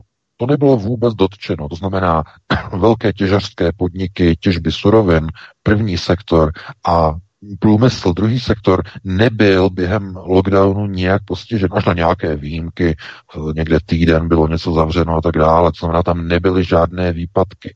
Tam mohli jste chodit do práce, Nikam jste nemohli, ale do práce jste chodit mohli, kde vás bylo jako psů, tam jste mohli pracovat, tam jste mohli chodit, mohli pořád, furt, furt pryč, ale na procházku se psem jste nemohli. Nemohli jste ani víc baráku, když jste měli postvrzení, nemohli jste vůbec nic. Mohli jste jenom Arbeit, protože Arbeit macht frei, nic jiného. A kam jste chodili? No, do těchto výrobních podniků, případně eh, do těch těžařských, eh, to znamená eh, v prvním sektoru primárním. To znamená, tohle to nebylo dotčeno, na to nebylo dovoleno sáhnout v rámci lockdownu, protože by přišly těžké žaloby u arbitráží eh, proti jednotlivým vládám, které by toto nařídili. Takže to oni si nedovolili, ale sáhli na živnostníčky, na ty šáhly, šlápli jim na krk a zlomili vazy. To oni si dovolili. To ano, to prošlo. No a my se na to musíme podívat eh, z toho hlavního vlastně jakoby pohledu, eh, kdy opravdu je třeba si uvědomit, že ten proces nasunování, řekněme, tohoto to, této totální kontroly toho skvělého, úžasného světa přechází vlastně jenom do takové té, nebo do toho prostoru, kdy najednou si uvědomujete, že v té společnosti, když v ní vlastně žijete, tak de facto už máte jinou pozici. To znamená, uh, už není tam pro vás to místo v té práci, v těch službách už to místo tam nebude. Zůstane vám místo pouze v tom, řekněme, sekundárním sektoru průmyslu někde uh, v těch montovnách, anebo někde v, tom, v tom těžařském průmyslu, to znamená někde v nějakých těch dolech, eh, hutnický průmysl, zpracovatelský. To znamená, tam někde bude ještě nějaký ten prostor, ale dlouho to trvat nebude. A kde zaměstnat uh, tu armádu těch lidí, kterých je jako psů, když nebude pro ně zaměstnání v rámci zefektivňování výroby, nebude pro ně zaměstnání. Kde je zaměstnat? No, možná sledujete tu situaci ohledně elektromobilismu, eh, ukončování de facto té éry tzv. spalovacích aut. A teď někdo řekne, no dobře, ale to přece položí ekonomiku. Uh, no, ano, správně. I to píše Klaus Schwab v té knize Čtvrtá průmyslová revoluce. I to tam píše. Na světě už nebude potřeba vyrábět tolik, jako se vyrábělo dosud. Tam píš, už nebude potřeba. Protože všechno už bylo vyrobeno, všechno už máte. Naopak je třeba, aby lidé začali spotřebovávat méně. Jednou z věcí, kterou on tam říká, je, že většina lidí se nepotřebuje pohybovat. O čem jsem psal já v té knize uh, Human Ex Machina v roce 2018, před třemi roky. O čem jsem tam psal? Řečnická otázka. Přesně o tomto. Oni chtějí jednotlivé lidi umístit na jednom jediném místě, aby se nepohybovali, aby negenerovali uhlíkovou stopu, aby nikam nejezdili, nikam nechodili, nikam necestovali. Jídlo, aby za nima přijelo, veškeré zboží, aby za nima přijelo, aby si všechno v digitální ekonomice koupili pomocí kreditu, který dostanou v rámci nepodmíněného příjmu, protože do práce chodit nebudou. Budou na nějakém nepodmíněném minimálním příjmu. A teď otázka. Kde se budou generovat peníze nebo od koho ty peníze na ten generální příjem, protože to má několik názvů, to je univerzální příjem, nepodmíněný příjem, generální příjem, to je úplně jedno, jak si to, jak si to pojmenujete, je to všechno, je to jedno a to tež. To znamená, že budete dostávat prostě jakoby v uvozovkách zadarmo e, peníze na to, na nějaké přežití. Z čeho to bude generováno? No ta ekonomická rovnice spočívá v tom, že v rámci výrobních systémů, kdy budou mnohé operace automatizovány, budou zgenerovány na bázi robotických systémů a na bázi takzvaných doručovacích systémů, tak ta uhlíková stopa, protože se přepočítává ta rovnice na uhlíkovou stopu, bude vycházet v pozitivním přesahu, v pozitivním přebytku, který bude tak obrovský a značný a, a neuvěřitelný, že bude vycházet matematicky koncepce přerozdělování, kdy bude možné lidem rozdávat peníze. Takzvaný, oni tomu říkají helicopter money. Znamená rozhazování peněz z helikoptéry. Ale pozor, helicopter money eh, to je něco jednorázově. Před volbama něco že helicopter money, to bylo těch tisíc korun pro důchodce od eh, Andrejka eh, teď nedávno, to znamená, to je jednorázová záležitost, ale tenhle ten generální příjem nebo nepodmíněný příjem eh, v té rovnici vychází opakovatelně a udržitelně de facto, že lidé budou dostávat. Mm, eh, a pokud se zeptáte, kdo to bude generovat, tak to budou ty velké největší společnosti, eh, té takzvané globální společnosti kapitální světového průmyslu, to znamená z jejich obratu a zdrojů, budou přerozdělovat peníze veškerému obyvatelstvu. A teď. To je v té knize Klauze Schwab. A teď. Pozor, aby to fungovalo. Co to znamená? Znamená to dobročinnost, znamená to eh, altruismus ze strany těch eh, globálních společností, anebo nebo si tím kupují planetu Zemi do svého vlastnictví se všemi obyvateli. Cvak. Najednou vám to doklapne. Oni za toto přerozdělování se zprivatizují celou planetu. Tyto korporace. Globální korporace, jako je Facebook, jako je Google, jako je Amazon, respektive společnost Alphabet, eh, jako je Microsoft, jako jsou čínské nadárodní společnosti, zprivatizují si celou planetu. Teď, krok dva. Tyto společnosti se potřebují zbavit obtížného hmyzu. Kdo to je? Soukromní podnikatelé, živnostníci, ti malí, kteří parazitují na globálních strukturách, šmik, uříznou jim hlavy jako čmelákům a všichni lidé budou nakupovat jenom online u těchto nadnárodních korporací. Všechny peníze se tak budou soustředit pouze do zisku těchto nadnárodních korporací. Díky tomu budou finanční toky představovat jenom některé na prstách, prstech jedné nebo dvou ruk e, finanční toky největších světových korporací z jejich zdrojů budou přerozdělovány tyto takzvané generální příjmy jednotlivému obyvatelstvu. Co to bude znamenat? No, na jedné straně to bude znamenat, že všichni budou povinováni těmto globálním korporacím jako novým božstvům. Budou se jim klanět. Bude to ovšem znamenat, že tyto korporace vás budou vlastnit. Když vám platí nepodmíněný příjem, budete poslouchat. Nebude dovoleno, abyste si psali, co chcete někde na nějakém internetu. Nebudete mít Facebook, nebudete mít Twitter, nebudete mít nic, když budete dělat problémy, protože my vás vlastníme. Vlastníme všechno to, co vy máte, je z našich daní. Evokováno z našich daní. Všechno. Do posledního puntíku. A abyste poslouchali, tak musí být zajištěno, že ty peníze nebudete dostávat v hotovosti. Hotovost znamená svobodu. Takže dostanete sociální kredit, který bude hodnotit, jak se chováte, jestli nepíšete závadné příspěvky, jestli se, neza, jestli se vaše, vaše příspěvky nenachází na nějakých cemperizačních serverech, kde vás v uvozovkách odhalují jako dezinformátora.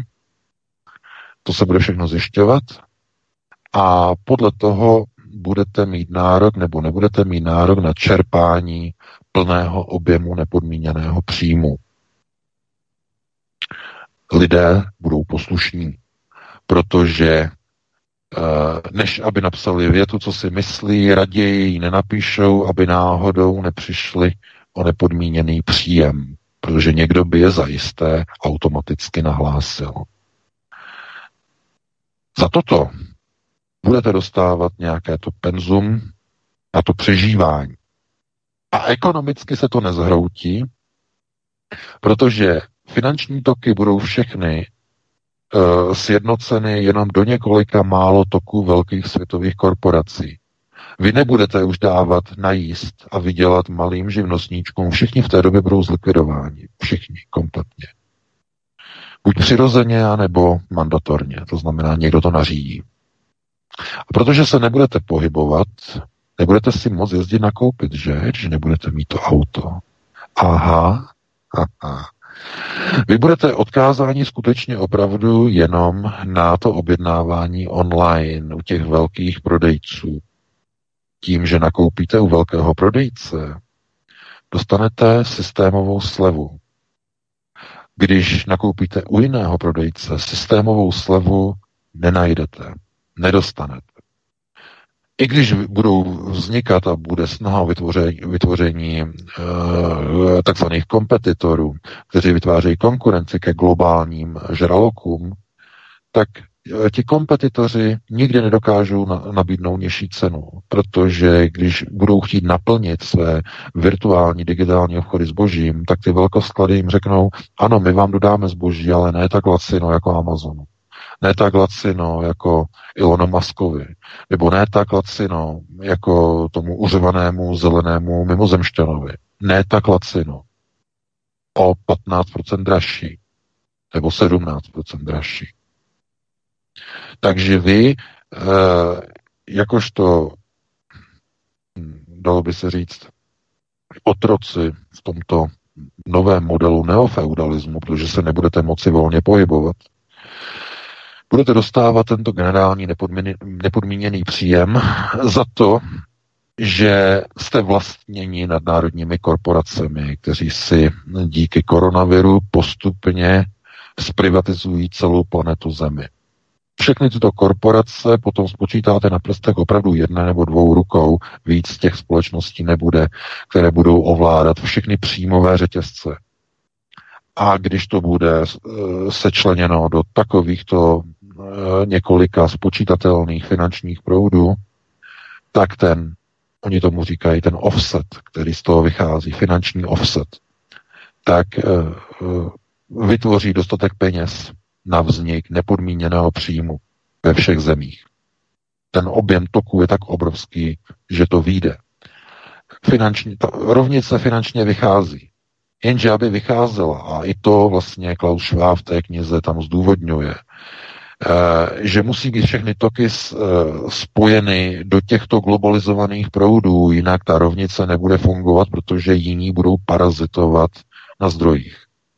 Na vašich zdrojích. Že vy namísto toho, abyste pomohli uh, fortify, to, to opevnit ten, uh, řekněme, globální systém přerozdělování, tak vy místo toho dáte vydělat nějakému živnostníčkovi a tím Eh, vlastně ten živnostníček parazituje na tom systému přerozdělování. To je jednoduchá odpověď na to, proč během pandemie byli likvidováni a dosud jsou likvidováni všichni živnostníci. Na to máte jednoduchou odpověď v knize Klauze Švába, e, čtvrtá průmyslová revoluce, tam je to napsáno. Z jakého důvodu to je? Já to pouze teď cituji.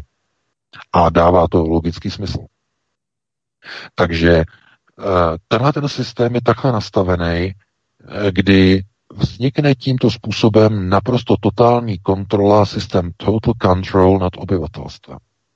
Ve chvíli, kdy velké nadnárodní korporace budou platit váš nepodmíněný příjem, tak, vás budou, eh, tak vás budou kompletně vlastnit.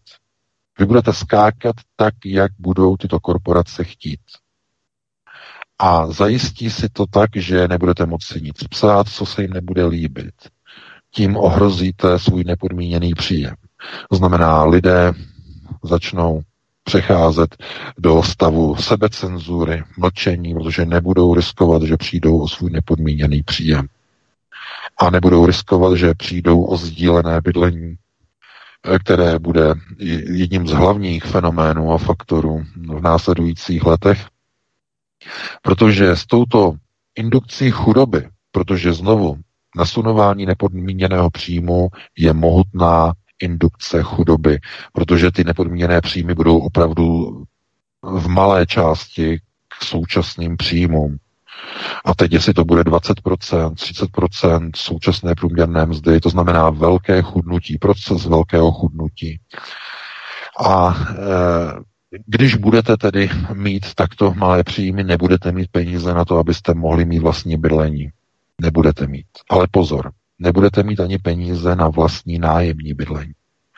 To totiž mimochodem bude v době, o které my hovoříme příštích několika let už, eh, natolik vysoké, že bude mnohonásobně překračovat měsíční splátky hypoték. To už vlastně je i v této době, nebo je to delší dobu, že eh, to znamená, lidé nebudou mít už na nájmy vůbec. Takže kde budou bydlet?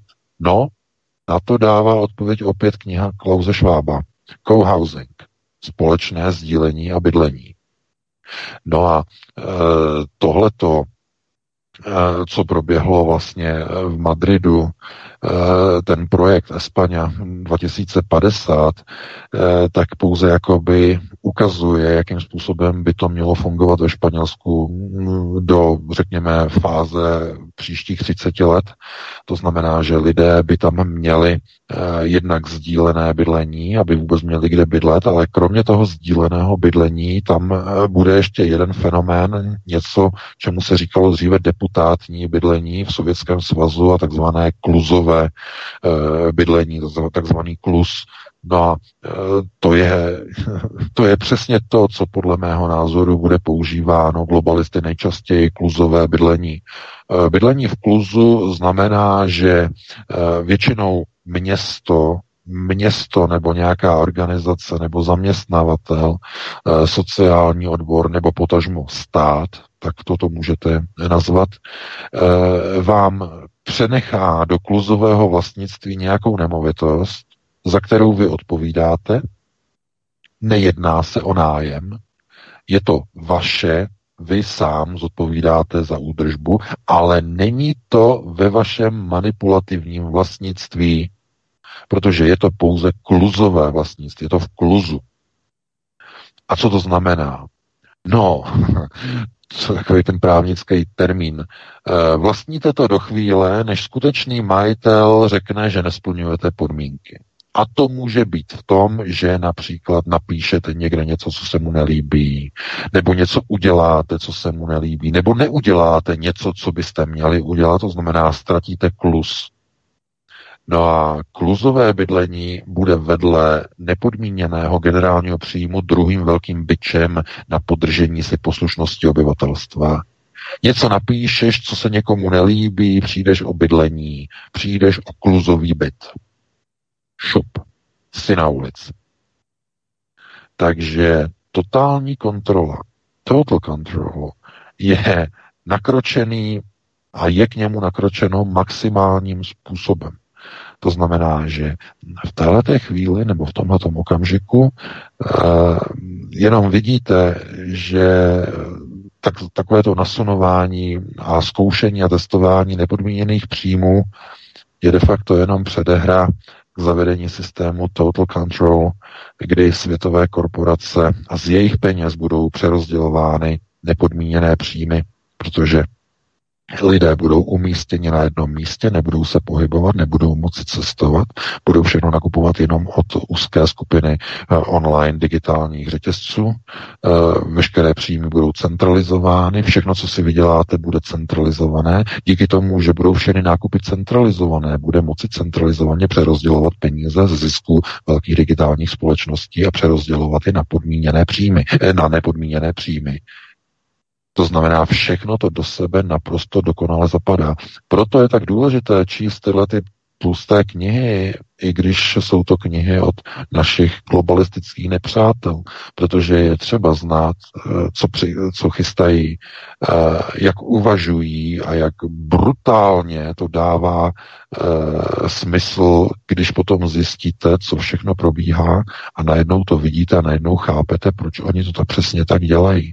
To znamená, je to proces zotročení všech lidských národů, aby byli závislí na několika světových korporací z nich všechny jsou ve vlastnictví sionistického kaganátu. Úplně všechny organizace, kterých se to týká, o kterých jsme mluvili, všechny ty Google, všechny ty Apple, eh, všechny ty eh, Amazony a všechny ty další, všechno ve vlastnictví vybraných rodin, které jsou napojeny na Rothschild. Finančně. Takže to by bylo to největší chucpe úplně závěrem. Já vím, že ne- nekončíme zase nějak, nějak pozitivně, pouze popisujeme některé procesy, které probíhají, uh, takže doufáme, že dneska se vám to líbilo. Dáme si přestávku, Vítku, nějakých 8 minut a potom hned se pustíme do našich posluchačů, pokud teda se nedívají na hokeje a na podobné události. Určitě já věřím, že pokud se dívají na hokej, tak z našeho vyprávění třeba potom nebudou mít hokej i v hlavě. Ale myslím, že my to koncepčně pojímáme velmi konzistentně i v rámci série našich pořadů, protože teď vysíláme mimochodem 182. pořad. Já to mám očíslované v rámci našich pořadů. Takže už eh, vysíláme dost dlouho na to, aby v tom lidé měli jasno i v hlavě a ten hokej v hlavě vůbec neměli. Takže my doufáme, že to potvrdíte i vašimi telefonickými dotazy ve třetí hodině, respektive ve třetí hodině. No, ve třetí hodině, vysíláme od půl osmé, tak dejme tomu a to už bude mít pod patronací Helenka, které teď tímto předávám slovo. Helenko, co si zahrajeme? Mám připravené tři písničky. Tady je první z nich. Zpěvákem nebude nikdo menší než bývalý a zároveň současný ministr zdravotnictví Adam Vojtěch. Muž, který bude mít podle mnohých čím dál tím méně důvodů ke zpěvu. Tak alespoň vzpomínka na jeho lepší časy. Tady je písnička My Way. Příjemný poslech. Bude to ve finštině? Prosíme, pomožte nám s propagací kanálu Studia Tapin Radio Svobodného vysílače CS. Pokud se vám tento nebo jiné pořady na tomto kanále líbí, klikněte na vaší obrazovce na tlačítko s nápisem Sdílet a vyberte sociální síť, na kterou pořád sdílíte. Jde o pouhých pár desítek sekund vašeho času. Děkujeme.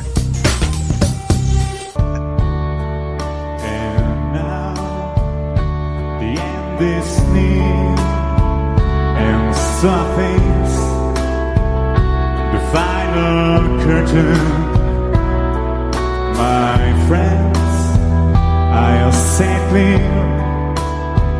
I've state my case, of which I'm certain. I flipped a light that's full. I've traveled each and every highway and more, much more than this. I did it my way. Regrets, I've had a few, but then again, too few to mention. I did what I had to do, and so it's true without exemption. I planned each charted course, each careful step along the byway, and more, much more than this. I did it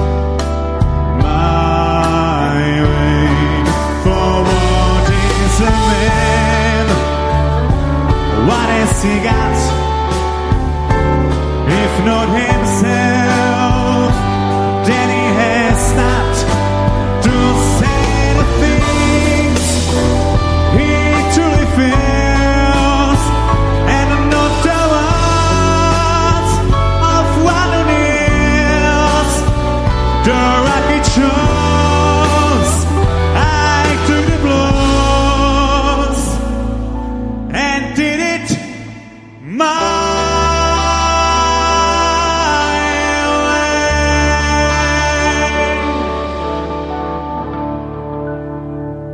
Tolik ministr zdravotnictví a další písničku zpívá Leny, zpěvačka s ojedinělou a nezaměnitelnou barvou hlasu. Tady je.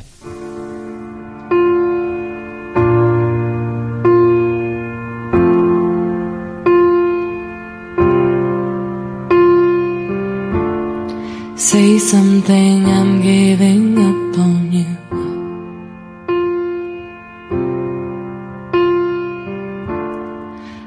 be the one if you want me to.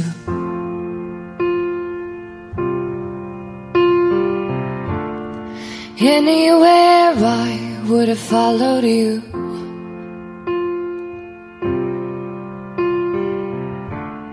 Say something, I'm giving up on you. And I, feeling so small. It was over my head, and know nothing at all. And I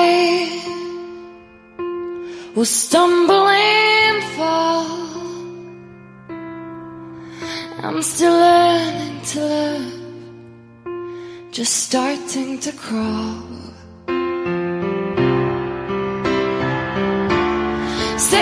Something, I'm giving up on you. I'm sorry that I couldn't get to you. Anywhere I would have followed you. Say something,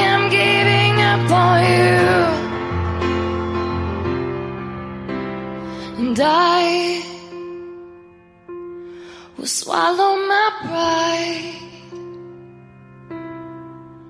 You're the one that I love, and I'm saying goodbye.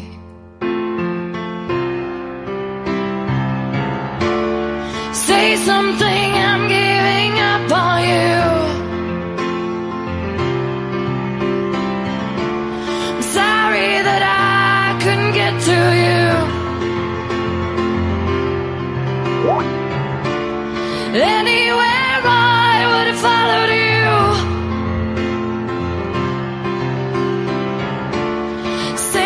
something, I'm giving up on you. Say something, I'm giving up on you.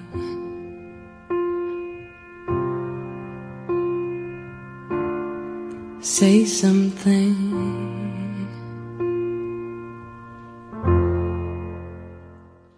Přidám ještě jednu písničku a to písničku Evy Farné, o kterou si píšete. Mám boky jako skříň. Mám prostě od pámička boky jako skříň, jako skříň, co na plat, když k tomu ráda jím, ráda jím, co na plat. O liposu si vím, dobře vím, však zaplat, si život posladím, posladím.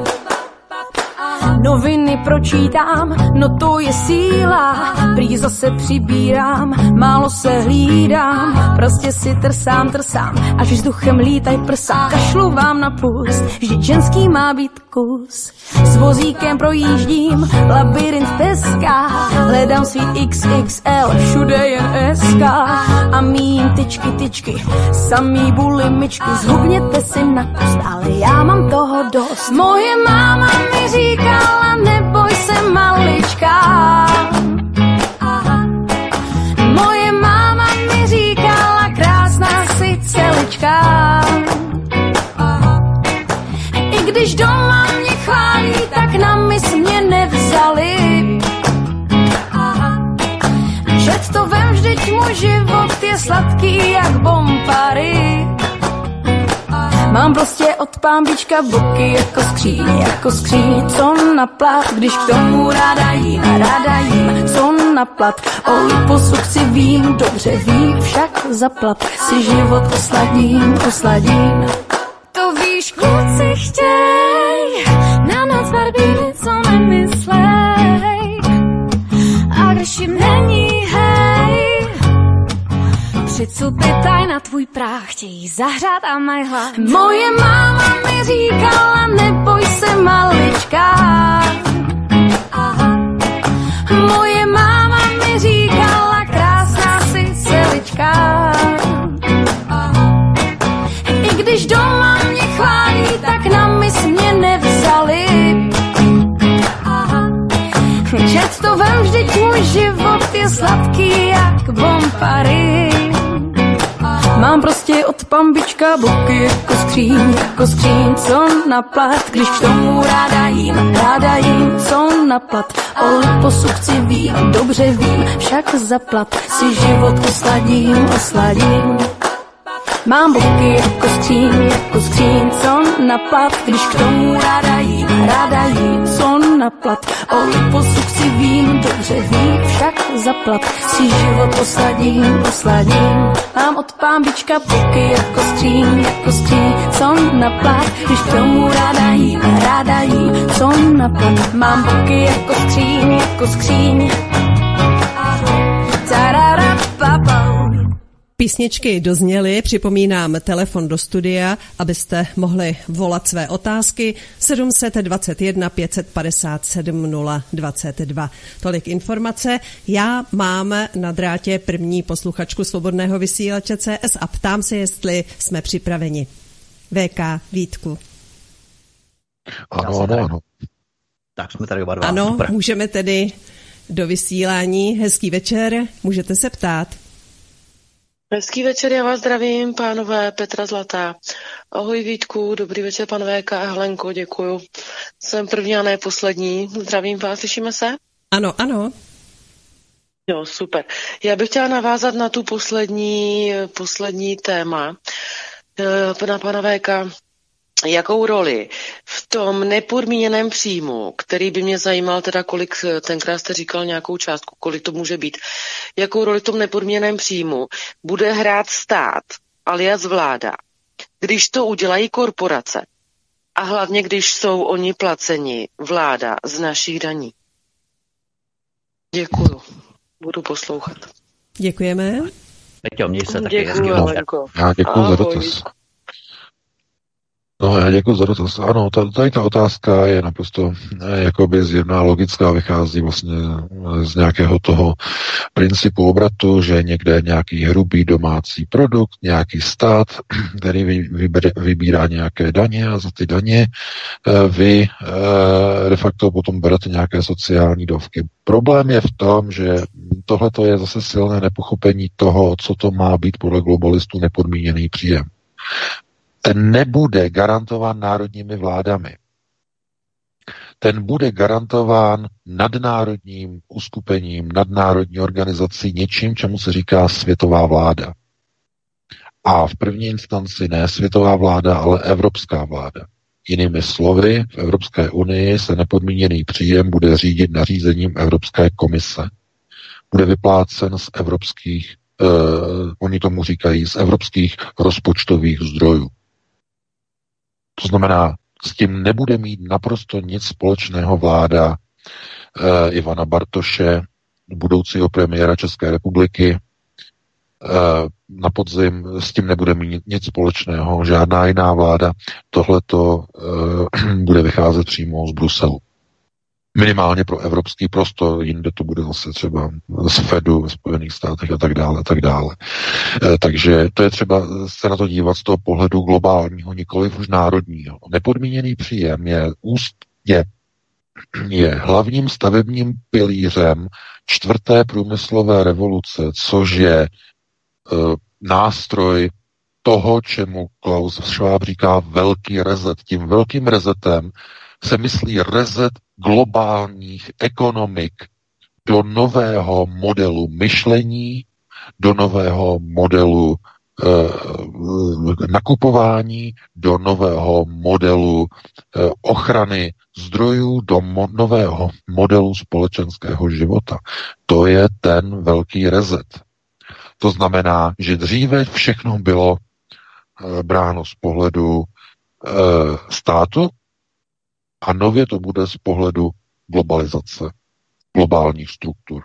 To znamená, ten nepodmíněný příjem, tak, jak je minimálně navržený eh, Klausem Schwabem v té knize, eh, vlastně mluví o tom, že ve chvíli, kdy budou všechny platební kanály sjednoceny do bezhotovostních struktur, to znamená odstranění hotovosti, tak eh, v tom okamžiku bude možné nastavit mezinárodně platební terminály takovým způsobem, že všechny příjmy které budou generovat na národní organizace, budou někde v centrálním počítači v Bruselu sčítány a za rok se zjistí, ano, tato společnost v celém evropském prostoru utržila tolik a tolik bilionů eur a z toho je třeba přerozdělit tolik a tolik stovek miliard na vyplacení nepodmíněných příjmů 400 milionů obyvatel Evropské unie.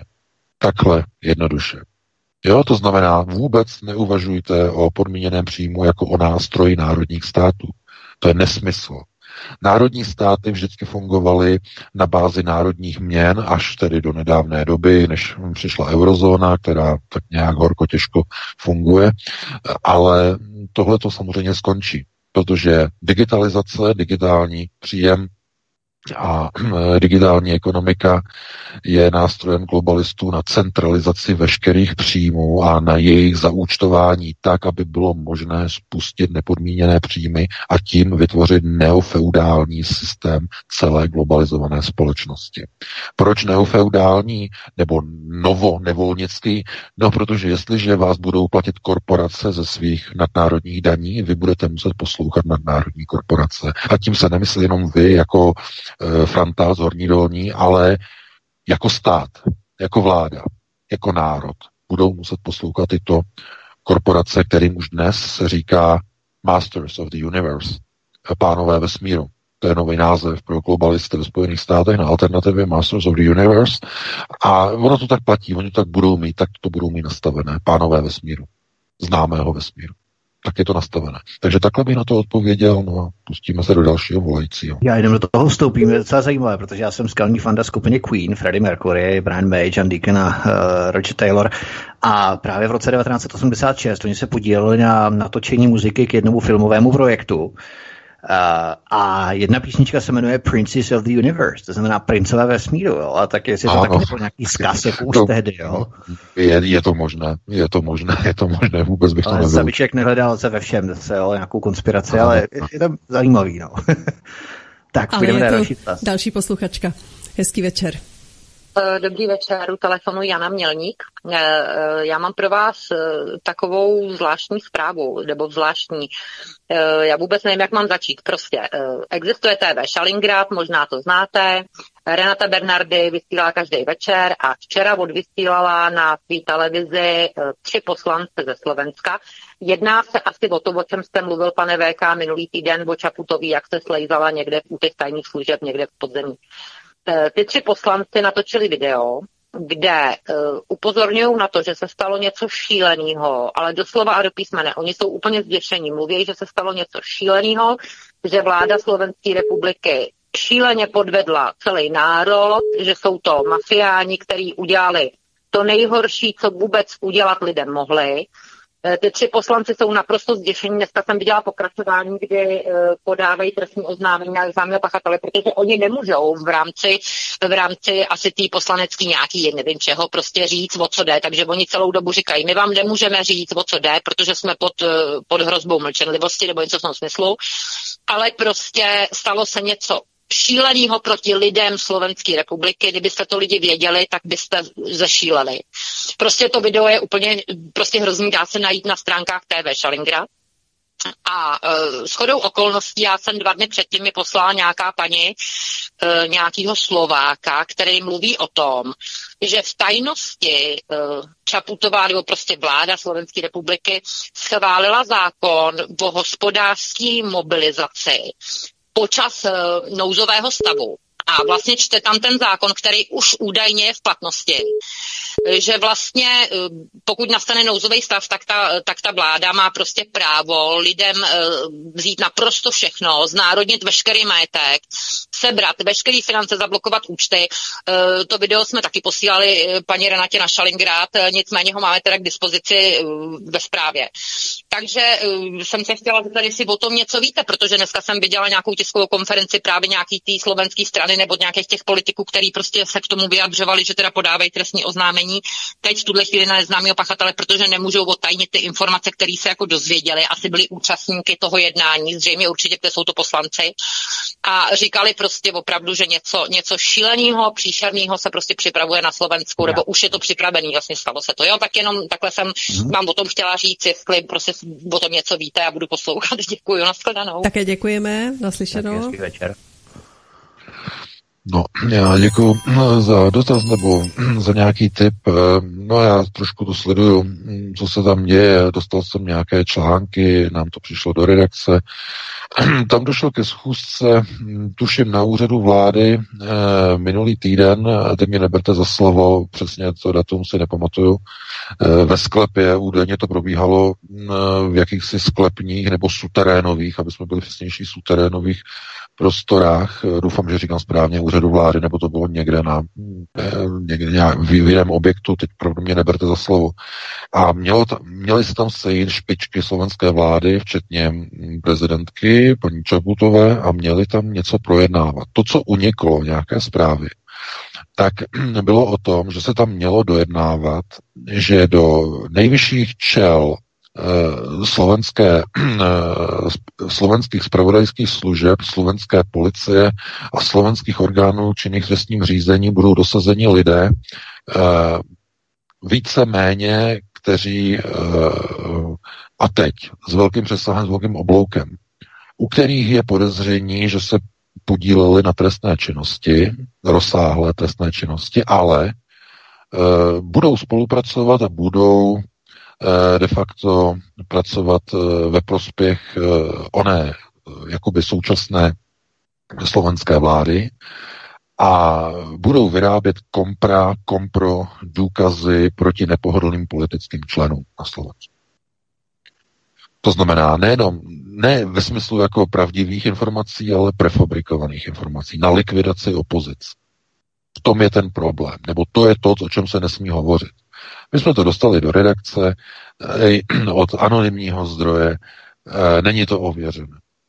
Není to ověřené, to znamená eh, všechno, co jsou neověřené informace a nemáme to od druhého zdroje, tak se musí s tím nakládat opravdu velice opatrně, protože v dnešní době, a to i Vítek potvrdí, chodí mnoho, mnoho věcí, které mají vlastně za úkol jakoby diskreditovat alternativu aby potom mohli v televizi říkat, vidíte, vidíte, oni zase si vymysleli nějaký hoax a tak dále a tak dále. To znamená, tyhle ty věci, eh, které přicházejí, tak jsou velice závažné a pokud přijdou, musí být dokladované nějakýma kopiema, něčím. My takhle pracujeme, to znamená, pokud nám někdo z politiku něco posílá a máme o tom napsat, tak eh, potřebujeme nějaký důkaz, něco ofoceného, eh, nějaký důkaz. Samozřejmě, že plně eh, respektujeme žádost nezveřejňovat fotografii dané kopie, ale musíme redakci tou kopii disponovat a musíme vidět, že opravdu ten dokument existuje, že tam opravdu je napsáno to, co se tvrdí. Nestačí nám jenom to, že nám někdo řekne, uh, tam řekl Franta o Lojzovi, že uděláme tohleto na starou mašku, aby ona potom měla tady ty problémy e, s Josefem. Jo, tohle to, takhle to nefunguje. To znamená, že pokud něco takového prostě přichází, musí přijít e, nějaké materiály, něco v důvěrném režimu. Každopádně nic takového zatím, ničím takovým nedisponujeme a pokud něco takového se objeví, budeme se tím zabývat.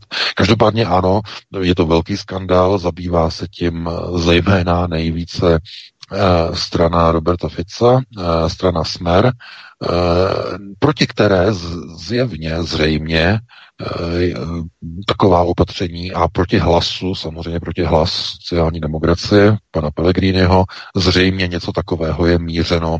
Dá se to logicky očekávat, že právě od těchto dvou politických stran bude se ozývat největší křik, eh, největší řev a to, že to neutichá, že ta kauza eh, má opravdu velkou kadenci, to ukazuje na něco, co opravdu přesahuje jenom naši představivost. To je něco jako neuvěřitelného. Pokud by to jenom ze zlomku byla pravda, eh, tak to je, to je tam, jsou, tam se dají vyčíst trestné činy vlasti zrady, spiknutí, spiknutí proti národu a vlasti, e, e, nepřátelská činnost, e, podílnictví a další věci. To znamená, tohle to opravdu by znamenalo, že politické procesy na Slovensku se opravdu zhroutily. Zhroutily se do stavu, kdy už se nedá mluvit o vládě, ale o mafii. Pokud by tohle to byla pravda, pokud by to byla pravda, že na té schůzce se toto probíralo, tak to už nemá nic společného s vládou. Jakoukoliv vládou. Takhle se chová mafie. Takhle je to třeba říct. Takže takhle bych na to odpověděl a eh, pustíme se do dalšího.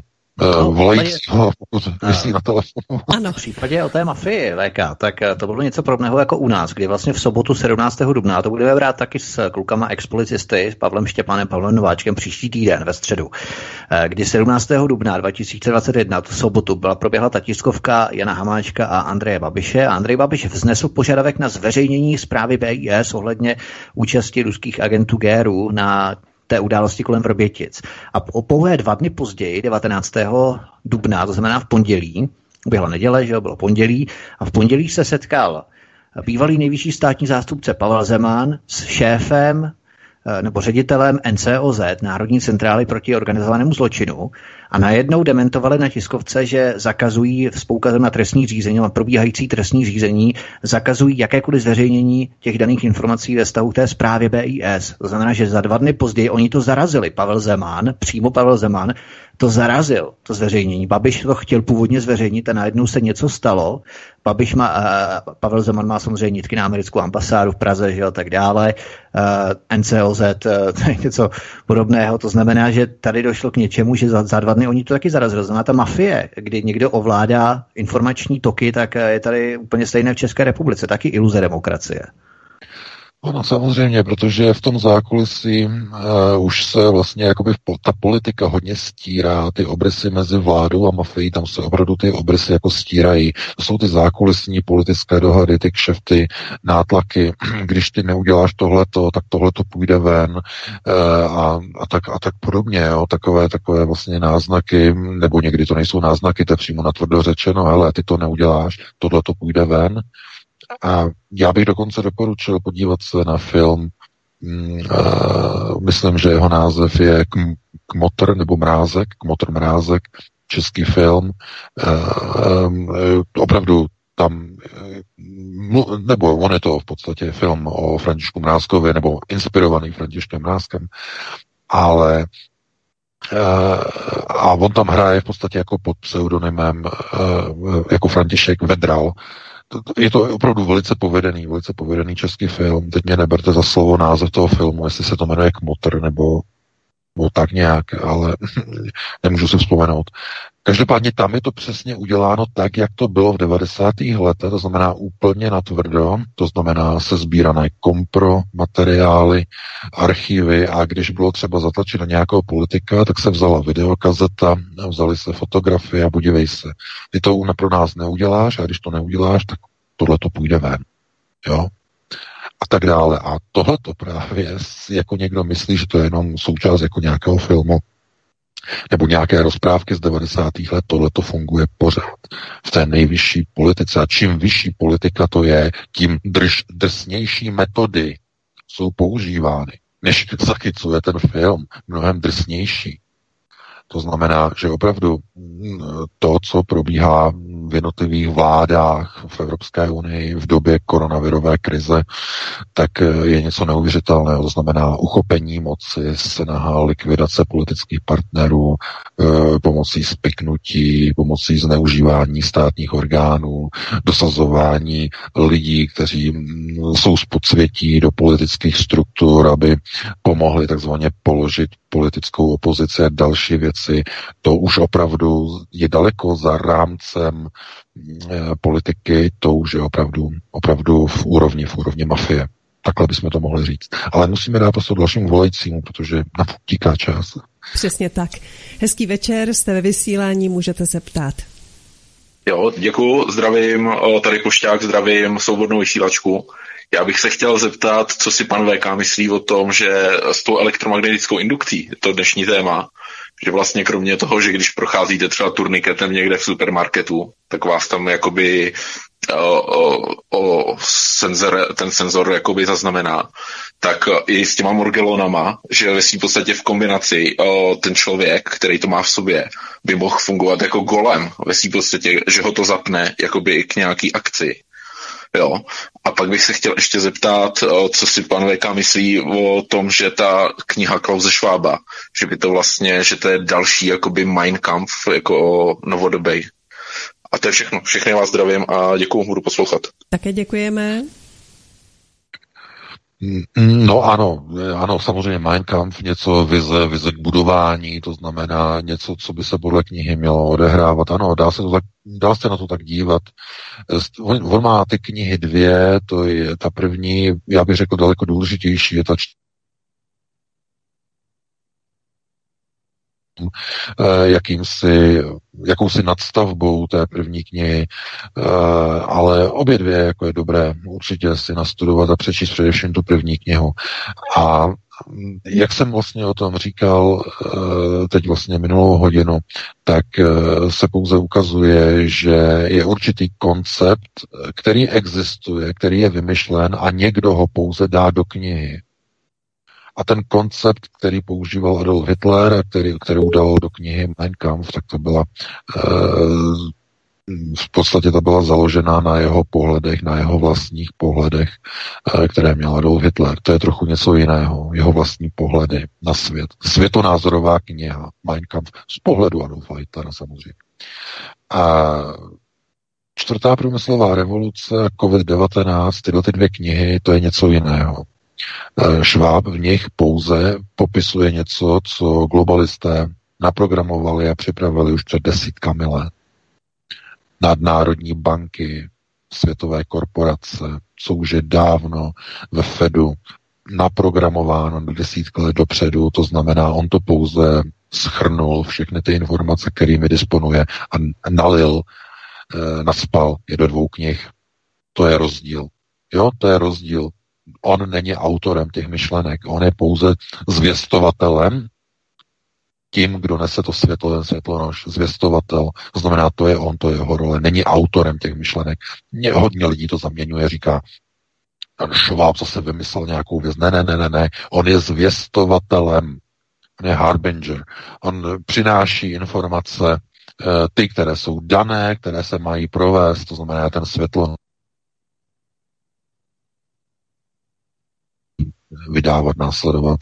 To je, aby, aby se chápal ten konceptuální rozdíl mezi Mein Kampf a mezi těmito dvěma knihami Klause Švába. Jo, tak to na vysvětleno.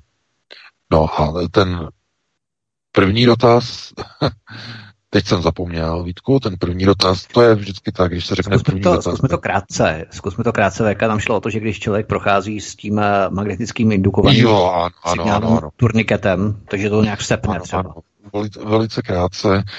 Uh, no tak to. Ty turniky, ty turnikety jsou uh, v podstatě nastaveny na příjem těch frekvencí uh, těch RFID čipů, které chrání to zboží. To znamená, to zboží má v sobě ty RFID čipy a když tam jsou to vlastně ty rámy, že jo, a na ty rámy je, napočený, je, na to, je na, napojený počítač, tím se změní pole elektromagnetické pole, když jím prochází ten RFID čip a změní se eh, de facto eh, to, ten snímek vlastně té frekvence, té frekvence toho pole elektromagnetického. A podle toho, jak se změní, tak ten řídící čip v těch v turniketech, v těch bránách, identifikuje a přenese informaci o tom, jaký typ zboží zrovna někdo se pokouší přenést a vynést ven. Jo? Takhle. Eh, v případě těch nějakých kovových látek v lidském těle, tam já si u toho nejsem jistý, protože to jsou nanometrické částice. Nanometrické. Jsou příliš malé na to, aby nesly RFID marker. Jo, RFID marker potřebuje nějakou velikost, minimálně, co jsou nejmenší RFID markery, tak ty mají velikost asi, myslím, 4 mm. 4 mm, takový čtvereček. Menší, když je menší, už nedokáže vlastně přijímat RFID signál, protože se nedokáže namodulovat. Jo? Tady mluvíme ale o nanometrových částicích, které nedokážou přijímat RFID signály. Jsou příliš malé, aby přijali signál v, elektromagnetické, v elektromagnetickém poli. To znamená přečetli. Jo? Ale mohou se zaktivizovat a získat energii díky elektromagnetickému poli a začít se pohybovat způsobem, jakým jsou naprogramovány, k jakému účelu. K otevření pouzdra, k zahájení pohybu a tak dále, k dopravě něčeho někam v lidském těle. To je ta hrozba. A znovu, jakým způsobem eh, se tam dostávají tady ty látky, eh, kolik se tam toho dostává, jak je možné, že ten magnet visí na, tom, na té kůži, na tom rameni, to je opravdu něco neuvěřitelného a děsivého, protože kdyby to byly jenom částič, částice, malé částice, prostě třeba železa, jo, opravdu v, v nanometrickém spektru, mluvíme o stále o nanometrickém spektru, tak eh, by tam muselo být poměrně velké množství toho železa, aby nějakým způsobem ten magnet tam udržel. Takže tohle to spíš vypadá, že ty látky, které se tam nacházejí, tak mají přímo eh, vlastní magnetické schopnosti, vlastní magnetické pole, i když třeba velice nepatrné nebo ma, s malým dosahem, s malým rozsahem.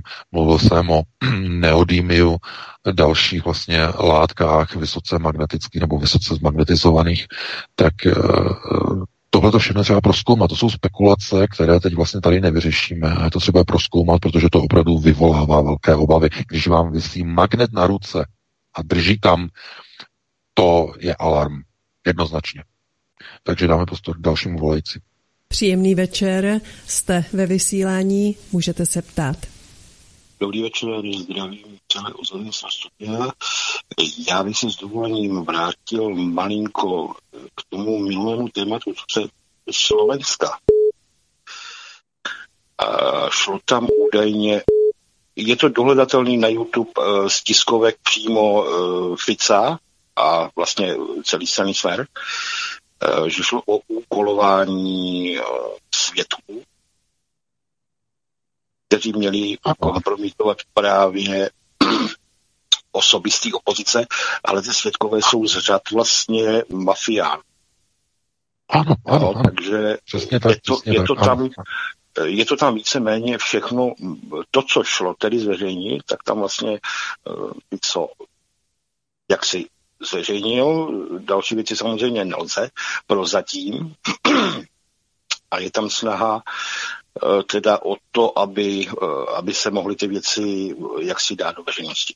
Ale mě by zajímal váš názor, jestli to může být i známka toho, že tedy tyhle skupiny mafiánských vlád, který to se netýká jenom Slovenska, jestli teče do bod, jestli to je známka toho, že tady nějaký tlak teda vlastně od těch sil dobra, už to řeknu zjednodušeně. Nebudu zdržovat dál, děkuju a budu poslouchat. Také děkujeme. No, já děkuji za dotaz. To je, tohle je s obrovskými přesahy. S obrovskými.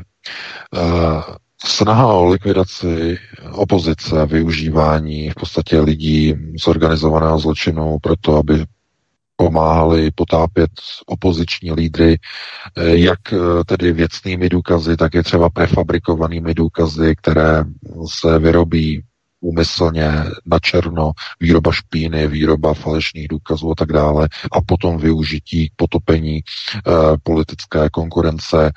To opravdu už nemá nic společného s politikou, to je mafie.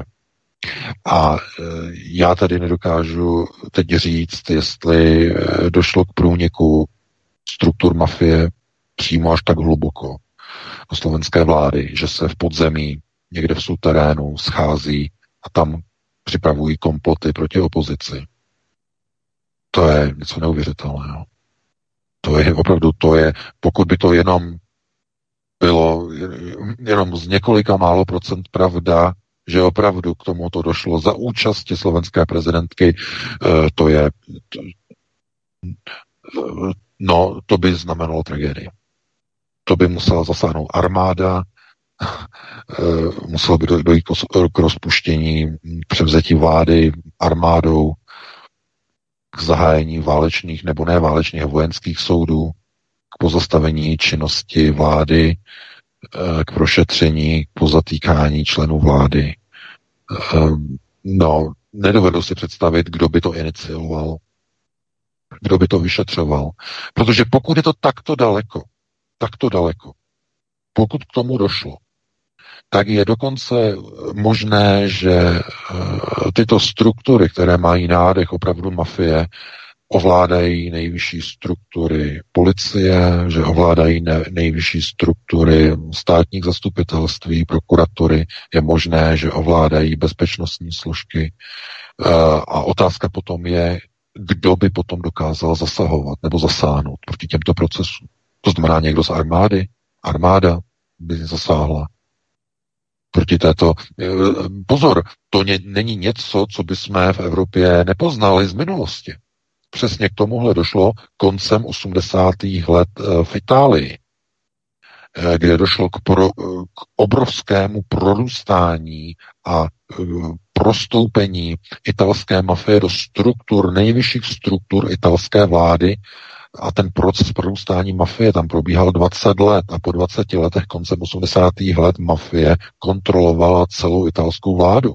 Jsou o tom natočeny desítky dokumentárních filmů, e, dokonce jeden seriál, e, který běžel na tady to téma, výbušný seriál, který byl natočený přesně podle vyšetřovacích archivů italské policie.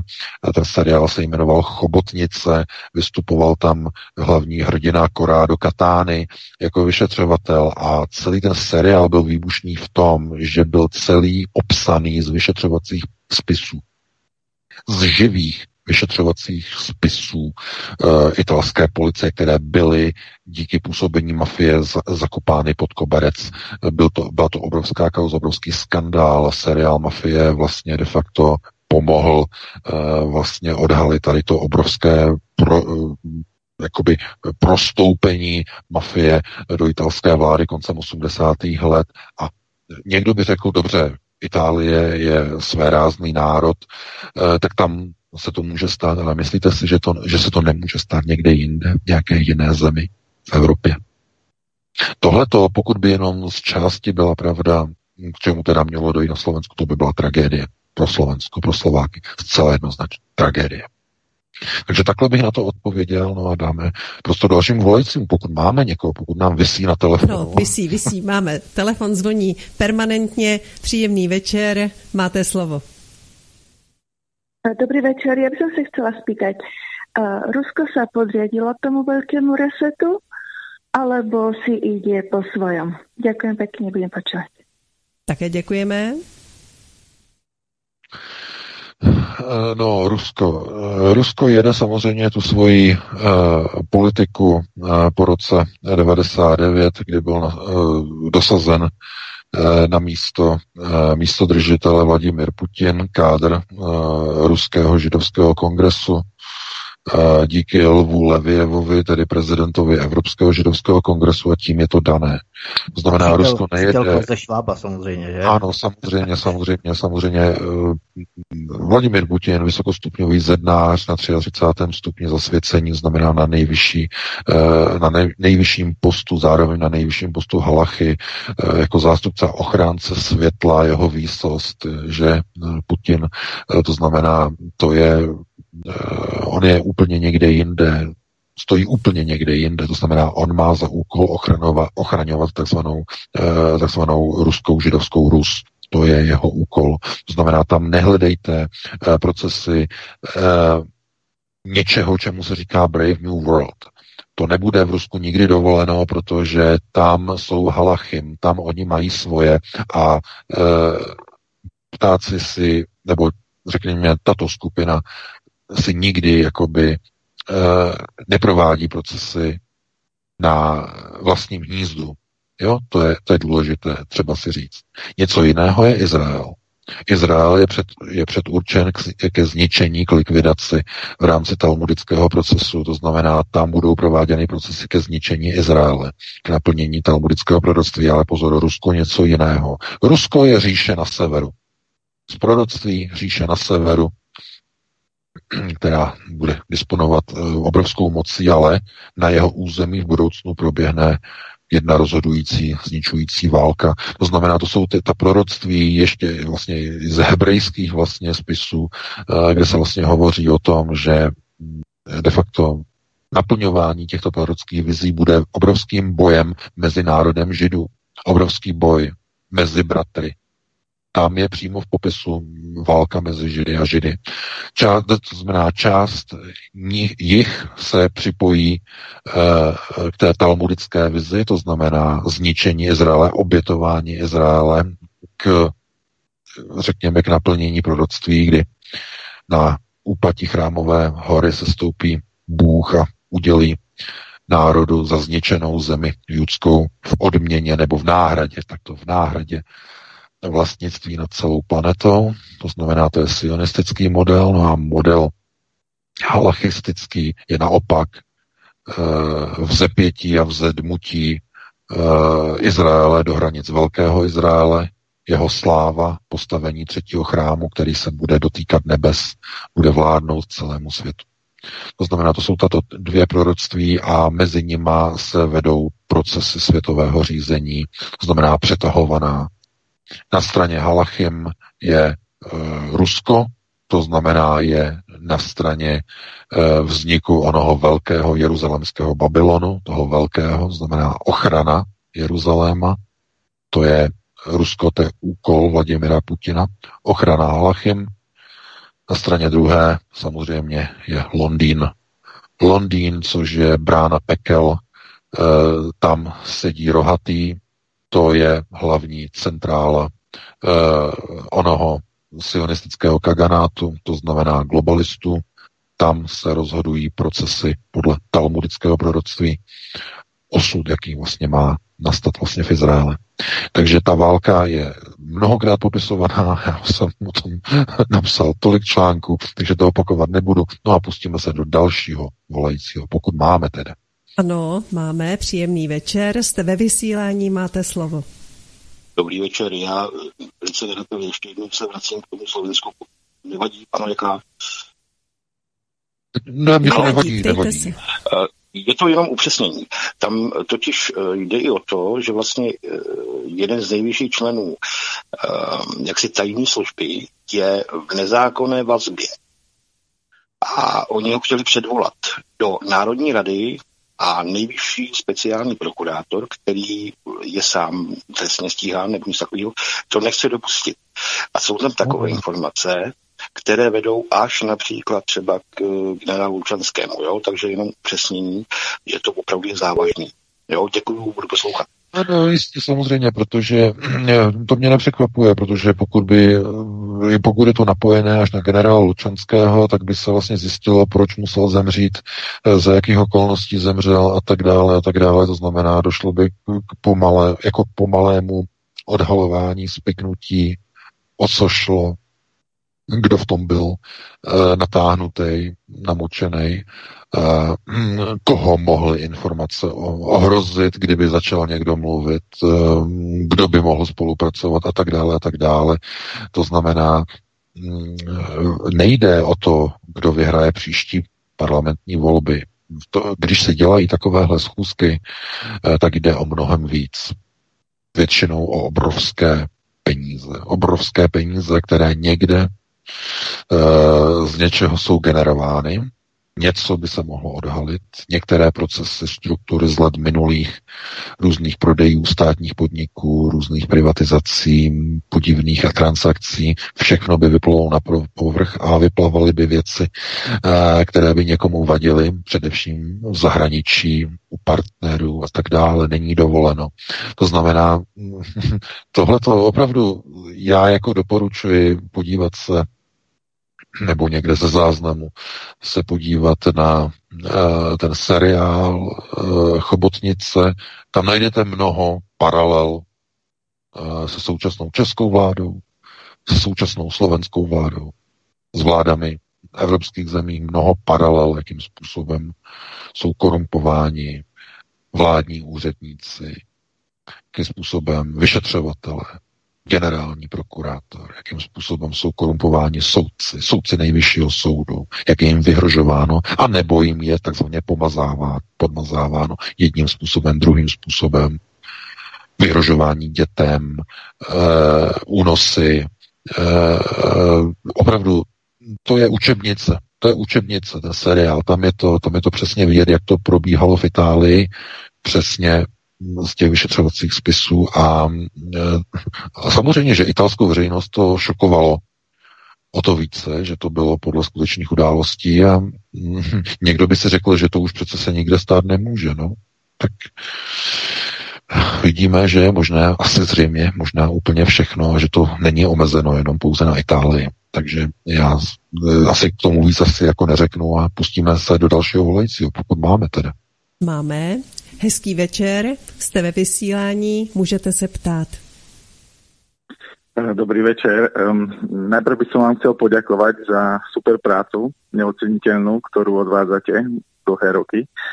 A uh, ja by som naviazal na tú tému toho Romana Prataseviča. Um, uh, vlastne um, hľadáte, hľadáte viac nejaké záchytné body. Ja som pred 20 rokmi sa zúčastnil kurzu numerológie. Už sa tomu nevenujem, ale keď som uvidel ten, ten dátum toho mladého muža 5.5.1995, tak mi zasvietili určité, určité veci a tak som si hodil na papier, čo si ešte pamätám.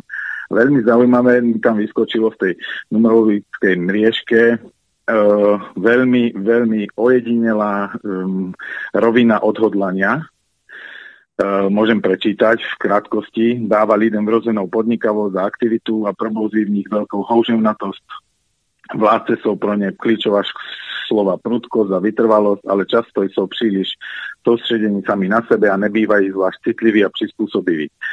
Vlastne je to rovina odhodlania a e, viacnásobné čísla majú taktiež svoju nejakú, nejakú, e, nejaký význam, nejakú silu a tam by som napríklad chcel e, podotknúť má tri peťky. Pri obrácenej energie dovnitř, záchvaty zúrivosti a panovačnosti, všechno musí byť podľa nich vícenásobné devítky, zase nadprůměrná inteligence s vysokou mentální energií. Životné číslo, sedmička tohto mladého muža, rebel, alternatíva, energia, odhodlanie, tam je sedmička revolúcia, hnev, neskromné ambície, nepriateľstvo, propago, e, e, prepracovanie a tak ďalej. Takže to bol taký akože typ, možno, že um, možno, že bol vybraný podľa týchto, e, podľa dátumu, lebo numerológia v podstate pracuje s dátumom narodenia. Tam nepotrebujete miesto narodenia a presné, presné, e, presnú hodinu a minúty, ale dokáže pracovať s týmto. Takže možno, že, možno, že to je taký typ, že bol nájdený v databázi, to podchytili a potom si ho len vyčíhali. No a moja otázka je skrz toho, by som to premostil, vlastne si sa bavili aj o tých kádroch, ako je Merkelová alebo Obama. Kto ich vychováva? Tam si myslím, že tie dátumy nie sú, čo sú uvádzané oficiálne, nebudú presné, ale kto pripravuje tieto, tieto kádry, e, akože aká organizácia, tie presuny, že Merkelová bola presunutá zo západného Nemecka do, do východného a tak ďalej a potom rýchla kariéra. Takže toto by ma zaujímalo ako, ako otázka. Takže ešte raz ďakujem za vašu prácu a e, držím palce. Děkujeme. Tak zdravíme. Já si dovolím jenom trochu lípnout VK, jenom na začátek, tak trošku přátelsky lípnout. V tom datu narození Prataseviče se přece narodilo desítky, stovky dalších Bělorusů, tak eh, to nevysvětluje to, proč byl vybraný právě jenom on. V rámci porodnosti v Bělorusku se v ten samý den narodilo přece mnoha dalších lidí. Jo, takže... No, jistě, samozřejmě, samozřejmě, to jako eh, datumy, datum narození je velmi zásadní, je klíčový, a určujícím faktorem při užším, bližším výběru jo, při užším, bližším výběru. Znamená, mají třeba 50 kádrů a teď jdou a vybírají podle, uh, podle toho, koho teda z těch 50, kteří přicházejí v úvahu, uh, koho teda vybrat, tak by třeba se dívali i na to datum toho narození. Je to zajímavé, ale není to, není to klíčové, není to to určující, podle čeho, podle jakého klíče oni by si danou osobu vybrali. Takhle oni nepracují. Pozor, globalisté takhle nepracují. To je, to je tak. Když se podíváte na všechny velké kádry globalistů, a oni ani nejsou kádry, to jsou často marionety, třeba pan Petříček, že bývalý ministr zahraničí, asistent Miroslava Pocheho. Proč on byl dosazen? Když teda zůstaneme u pana Petříčka, bývalého ministra zahraničí České republiky, proč? No, protože on měl nad sebou kuratelu, měl globalistu velkého kádra ČSSD Miroslava Pocheho, europoslance, a on e, Tomáš Petříček, eh, nebo když doufám, že říkám správně, jak se ním jméno, e, byl, byl zaučován byl zaučován v Evropské unii jako asistent Miroslava Pocheho. To znamená, on měl školení. Víte, že pan Petříček má americké školy studoval v Spojených státech, ve Velké Británii, to znamená má školy, to znamená byl připravován. To nás nepřekvapí, že byl tedy v roce 2017, že byl dosazen do role ministra zahraničí České republiky. To nás nepřekvapuje. To znamená, on má to kádrové profilování. Ale kde se vzalo kádrové profilování neznámých lidí s neznámou minulostí, jako je Barack Obama? Kde se vzalo kádrové profilování Angely Merkel. Jejíž dětství je naprosto neznámé. Nikdo ho nikdy neviděl. A kde se vzalo kádrové profilování Romana Protaseviče, který ještě na jaře v květnu, byl v květnu, eh, byl v Petrohradu a chtěl studovat Ruskou vojenskou akademii. Co slučilo, co se stalo v létě o prázdninách roku 2011? Že už o dva měsíce, pardon, tři měsíce později, že se rozešel s rodinou. A jeho otec hovoří o zombifikaci jeho syna, že se chová jako zombie, že eh, mu vymili mozek, že neví, nezná ty lidi, co s ním provedli. Co se stalo? To znamená, takhle se vyrábí budoucí vůdci revoluce, bývalí kádři. E, jinými slovy to řekněme, představte si to chucpe, že by Václav Havel ještě předtím, než začal být tím dizidentem zhruba koncem 70. let po vzniku charty 77, to znamená někdy předtím, třeba v roce 75, 74 a tak podobně, že by někdy v tom roce řekl, že chce e, začít studovat v Sovětském svazu na MGIMO.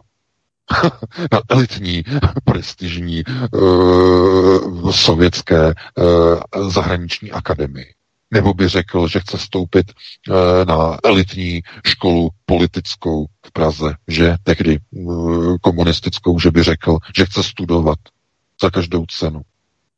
Takové chucpe. A najednou za několik týdnů by se z něho stal velký dizident. Najednou nepřítel komunistů, nepřítel režimu, nepřítel systému. Dávalo by to smysl? No nedávalo, bylo by, bylo by to největší obrovské chucpe. Takhle to nikdy přece nebylo. Havel nikdy nebyl e, na straně e, režimu velký, velký tleskač e, komunistům, to znamená, on byl vždycky, on byl, že jo, od začátku byl de facto jako ten, kdo je z té, té smetánky prvorepublikové, že rodiče jako měli lucernu a tohle, to znamená, on on byl de facto jakoby předurčený k tomu bohémskému životu, že on jednoho dne bude jako kádr, jako umělec, jako utlačovaný umělec, bude dosazen do role českého prezidenta. To znamená, on byl prvoplánově volba číslo jedna pro globalisty. To ani nešlo ani jinak vymyslet. To bylo naprosto prvoplánový, naprosto zjevný a logické. Ale v případě Romana Protaseviče tohleto takhle nebylo. On byl do poslední chvíle velkým nadšencem, velkým kádrem, který chtěl studovat na Ruské akademii v Petrohradu, který studoval na prestižní uh, Polytechnické uh, Minské univerzitě. To je stejné, jako kdyby Václav Havel studoval na nejprestižnější vysoké škole v tehdejším Československu na nějaké opravdu prestižní roli a jezdil by do zahraničí se svými projekty pod hlavičkou režimu eh, reprezentovat Chápete? Dovedete si představit, že by Havel by něco takového dělal? No, to je samozřejmě nesmysl, že? No vidíte, to by vás překvapilo, ale v případě Protaseviče to jak si nikoho nepřekvapuje. Nikdo se o, tom ani, o to ani nezajímá. Vždyť to nedává smysl. Chápete? Proto e, nás zajímá, kde došlo k inicializaci. Kdo? Kdy a kde ho inicializovali, kdy ho takzvaně zahájili, kdy zahájili e, Protaseviče globalisté. E, jaká skupina to byla, protože těch skupin je několik, kteří se zabývají tady tou činností. Jedna z těch známých skupin je skupina George Sereše. Oni jim říkají hitmakers. To je skupina uvnitř Open Society, kteří si vybírají nadějné kádry v zemích východního bloku, Je to skupina, která si vybírá nadějné studenty, aktivistické studenty, jenže problém je v tom, že u všech těch nadějných uh, uh, budoucích typovaných kádrů, tady ta skupina Hitmakers si bere na svůj paškal lidi, kteří už za sebou mají nějakou práci, nějakou odvedenou činnost. Mají nějakou historii, která se datuje daleko a daleko před tím, než byli zahájeni. Rozumíme si. Jenže v případě Protaseviče ne. Protasevič nemá žádnou historii před 28. Eh, zářím 2011, eh, kdy poprvé o něm napsal běloruský tisk. Předtím nemá žádnou historii. Předtím byl jenom synáčkem elitní prestižní rodiny, otec politruk na generálním štábu, matka přednášela na té samé fakultě vyšší matematiku jako profesorka. Znamená, on měl před sebou závratnou kariéru. A najednou se něco stalo. Najednou máme věřit tomu, že on se za dva měsíce přes prázdniny stal největším vlastencem a patriotem a začal vést jakési studentské hnutí. Takové chucpe, takový nesmysl. Máme věřit tomu, že on za dva měsíce se, se, se stal revolucionářem z konceptuálního ukotvení, že se stal konceptuálem za dva měsíce takové chucpe. A máme tomu věřit. No to je samozřejmě nesmysl. Proto nás zajímá, eh, jak to udělali a která skupina zatím stála, protože modus operandi eh, skupiny od Soroše, Hitmakers, eh, pracuje jinak, tak oni to nebyli. Oni to nemohli být, protože oni pracují jinak. Tohle to vypadá na některé jiné skupiny. Za prvé mohli, dokonce to nejsou ani rotariáni, ani rotary, ani rotariáni, kteří také dělají podobné nábory, tohle takhle nepracují. Eh, ti zase jdou po lidech, kteří jsou z technologické praxe eh, nějak eh, oddělení, mají nějaké výjimečné technologické schopnosti, jsou to programátoři, jsou to vědci, jsou to, kteří mají za sebou některé, řekněme, velké projekty a jsou zajímaví, nebo jsou oblasti finančnictví, ekonomie a tak dále. To znamená, ti také pracují jinak. To, co se stalo s Protasevičem, jak otec o něm hovoří, že je zombifikovaný, to vypadá spíš na okultní skupiny, které dělají okultní získávání lidí. Jednou z, variant je hypnóza, uh, sugestce, dálková hypnóza, dálková sugestce, uh, farmaka, drogy, vymývání mozku a podobně. To spíš vypadá na, ten, na tento proces. A právě proto se ptáme, proč zrovna on. Proč oni si ho vybrali? Oni si nevybírají někoho z davu ani podle datumu narození, ale oni mají nějaký důvod, proč zrovna jeho. Proč zrovna a proč ne někoho jiného z daného data, z daného datumu. Tohle je záhada, která opravdu mi vrtá v hlavě a eh, budeme se jí zabývat. Každopádně musíme dát prostor. A vlastně nedáme nikomu už prostor. Ne, máme máme dlouho volajícího na drátě, dejme mu poslední šanci. Přimlouvám se. Dobře. No, zkusme to, ale po dohodě, po, dohodě, po dohodě s následujícím studiem. Jo, Následující studio si přeje ještě více minut navíc, tak tam není problém. Dobrá, tak fajn. Můžete se ptát. Hezký večer. Dobrý večer, volající eh, z Prahy. Já jsem se chtěl zeptat, eh, dneska eh, ten jeden volající, jak přirovnal ke, ke Švábovi, i když pan VK potom dosti teda výstižně vysvětlil ten, ten rozdíl, tak mě přived na takovou věc, kterou VK říkal asi před třemi lety, že Židé mají spíše technické schopnosti než umělecké, tak tam jsem si nemohl nespomenout na Boba Dylana, a který má vlastně eh, prorockého ducha, si myslím, skrz ty svoje písničky, eh, kod, teda ty jeho, třeba ta jeho poslední tvorba. A tak jsem si chtěl zeptat, jestli eh, ten hudební průmysl, jako ty písničky, když tam byly ty folkaři, nebo ještě třeba Elektra Records, eh, kterou rozjel Jack Holtzman, jo, takže asi taky židovského půdu. Jestli to vždycky bylo prostě v područí těch, toho politického dění světa, anebo jestli, nebo je, jak, to, jak to vlastně bylo, jo, s těmi písničkama a, a, a potom, co jsou to můzy. Když ta můza vnukne člověku jako da, udělat píseň, ta píseň potom vlastně jako má svůj vlastní život a tak dále. Chtěl jsem se zeptat takhle, takhle na závěr trochu obecně. Takže eh, děkuji a budu poslouchat. My také děkujeme. No jistě, no děkuji. Samozřejmě, prosím vás, mediální průmysl je pod kontrolou židovských procesů řízení, to je samozřejmě mediální priorita řízení. To znamená, všichni producenti, eh, kteří přivedli eh, ke slávě Beatles, že židovský producent, pan Roseman, eh, ne, Rosen, Rosenfeld, teď se nemůžu vzpomenout na jeho jméno, velký, velký, velký židovský, největší jeden z židovských Eh, vlastně producentů, který opravdu dělal jako velké, velké skupiny, velké zpěváky své doby v 60. letech. To znamená, eh, to je něco jiného, to není umění, to je biznis. A v biznesu jsou židé nejlepší. To je jejich. Oni vlastně dokonce ani nemají podle Talmudu dovoleno jako, uh, dělat jako některé věci, některé manuální nesmí do styku s půdou, že jo, přijít se zeminou a tak dále, to znamená, nemůžou se podílet jako na některých jako věcech, jako manuální činnosti špína za nechty, že, protože to je, to je, to je zakázané, se nesmí dostat a tak dále a tak dále.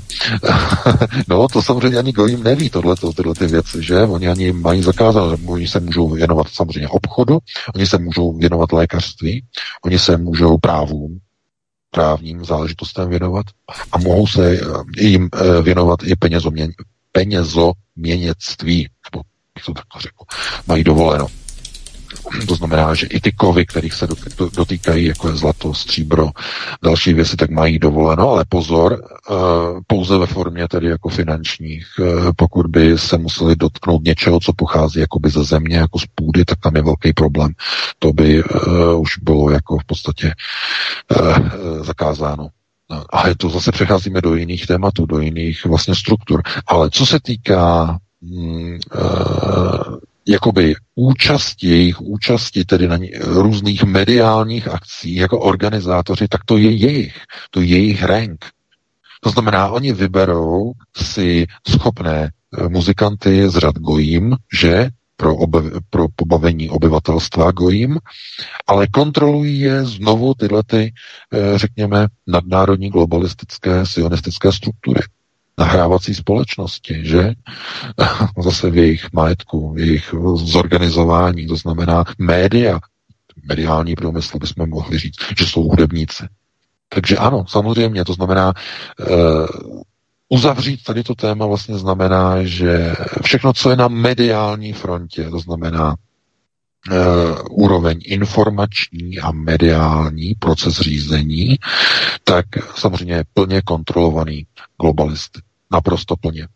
Takže takhle bych to uzavřel, to je asi poslední e, naše téma, máme 22.09, 010, e, takže já bych se rozloučil s tebou Vítku, s tebou Helenko, no doufám, že naše posluchači si něco odnesli z našeho vysílání, když tak si to poslechnou e, ze záznamu, no a my se uslyšíme zase za týden po 19.15, příští pátek, opět probereme aktuální témata z domova i ze světa, takže vám přeji pěkný týden následující. Užijte si víkend, no a pro tuto chvíli pěknou dobrou noc. Já se taky připojuji, mějte se všichni krásně, VK, děkuji moc za pořád, Helenko také, milí posluchači, za vaše reakce, že se registrujete na kanál Odyssey a že nás sdílíte právě z kanálu Odyssey, studia Lapin Rádio Svobodného vysílače, už tam přichází i další studia na Odyssey, studio Kadaň, studio Plzeň, a já jsem tam také, studio Lapin Rádio, takže prosíme, zaregistrujte se na Odyssey, je to velmi jednoduchá registrace, vyplníte pouze jméno, pardon, ne jméno, ale e-mailovou adresu a heslo a následně potvrdíte odkaz, který vám přijde na e-mail a tím se registrujete stejně jako na YouTube a můžete se na Odyssey registrovat z jakékoliv adresy. Na YouTube můžete maximálně z Gmailové adresy, ale na Odyssey můžete z jakékoliv adresy. Yahoo, Seznam, Centrum, úplně, úplně cokoliv. Takže neváhejte, zaregistrujte se na Odyssey, kde nedochází k žádné cenzuře, k žádné blokaci, žádnému banování videí našich a budeme rádi, když se tam přihlásíte a budete pořady svobodného vysílače sdílet právě z této platformy. Já se s vámi loučím, přeju vám hezký zbytek večera a těším se s vámi příště opět naslyšenou. Eh, hezký večer, případně dobrou noc. Díky. Tolik hovory u Klábosnice a neb co týden vzal. Děkuji VK za názory, informace a argumenty, tobě Vítku za výběr témat a vám, vážení posluchači, za zajímavé telefonáty a za pozornost. Naslyšenou. Prosíme, pomožte nám s propagací kanálu Studia Tapin Rádio Svobodného vysílače CS. Pokud se vám tento nebo jiné pořady na tomto kanále líbí, klikněte na vaší obrazovce na tlačítko s nápisem Sdílet a vyberte sociální síť, na kterou pořad sdílíte. Jde o pouhých pár desítek sekund vašeho času. Děkujeme.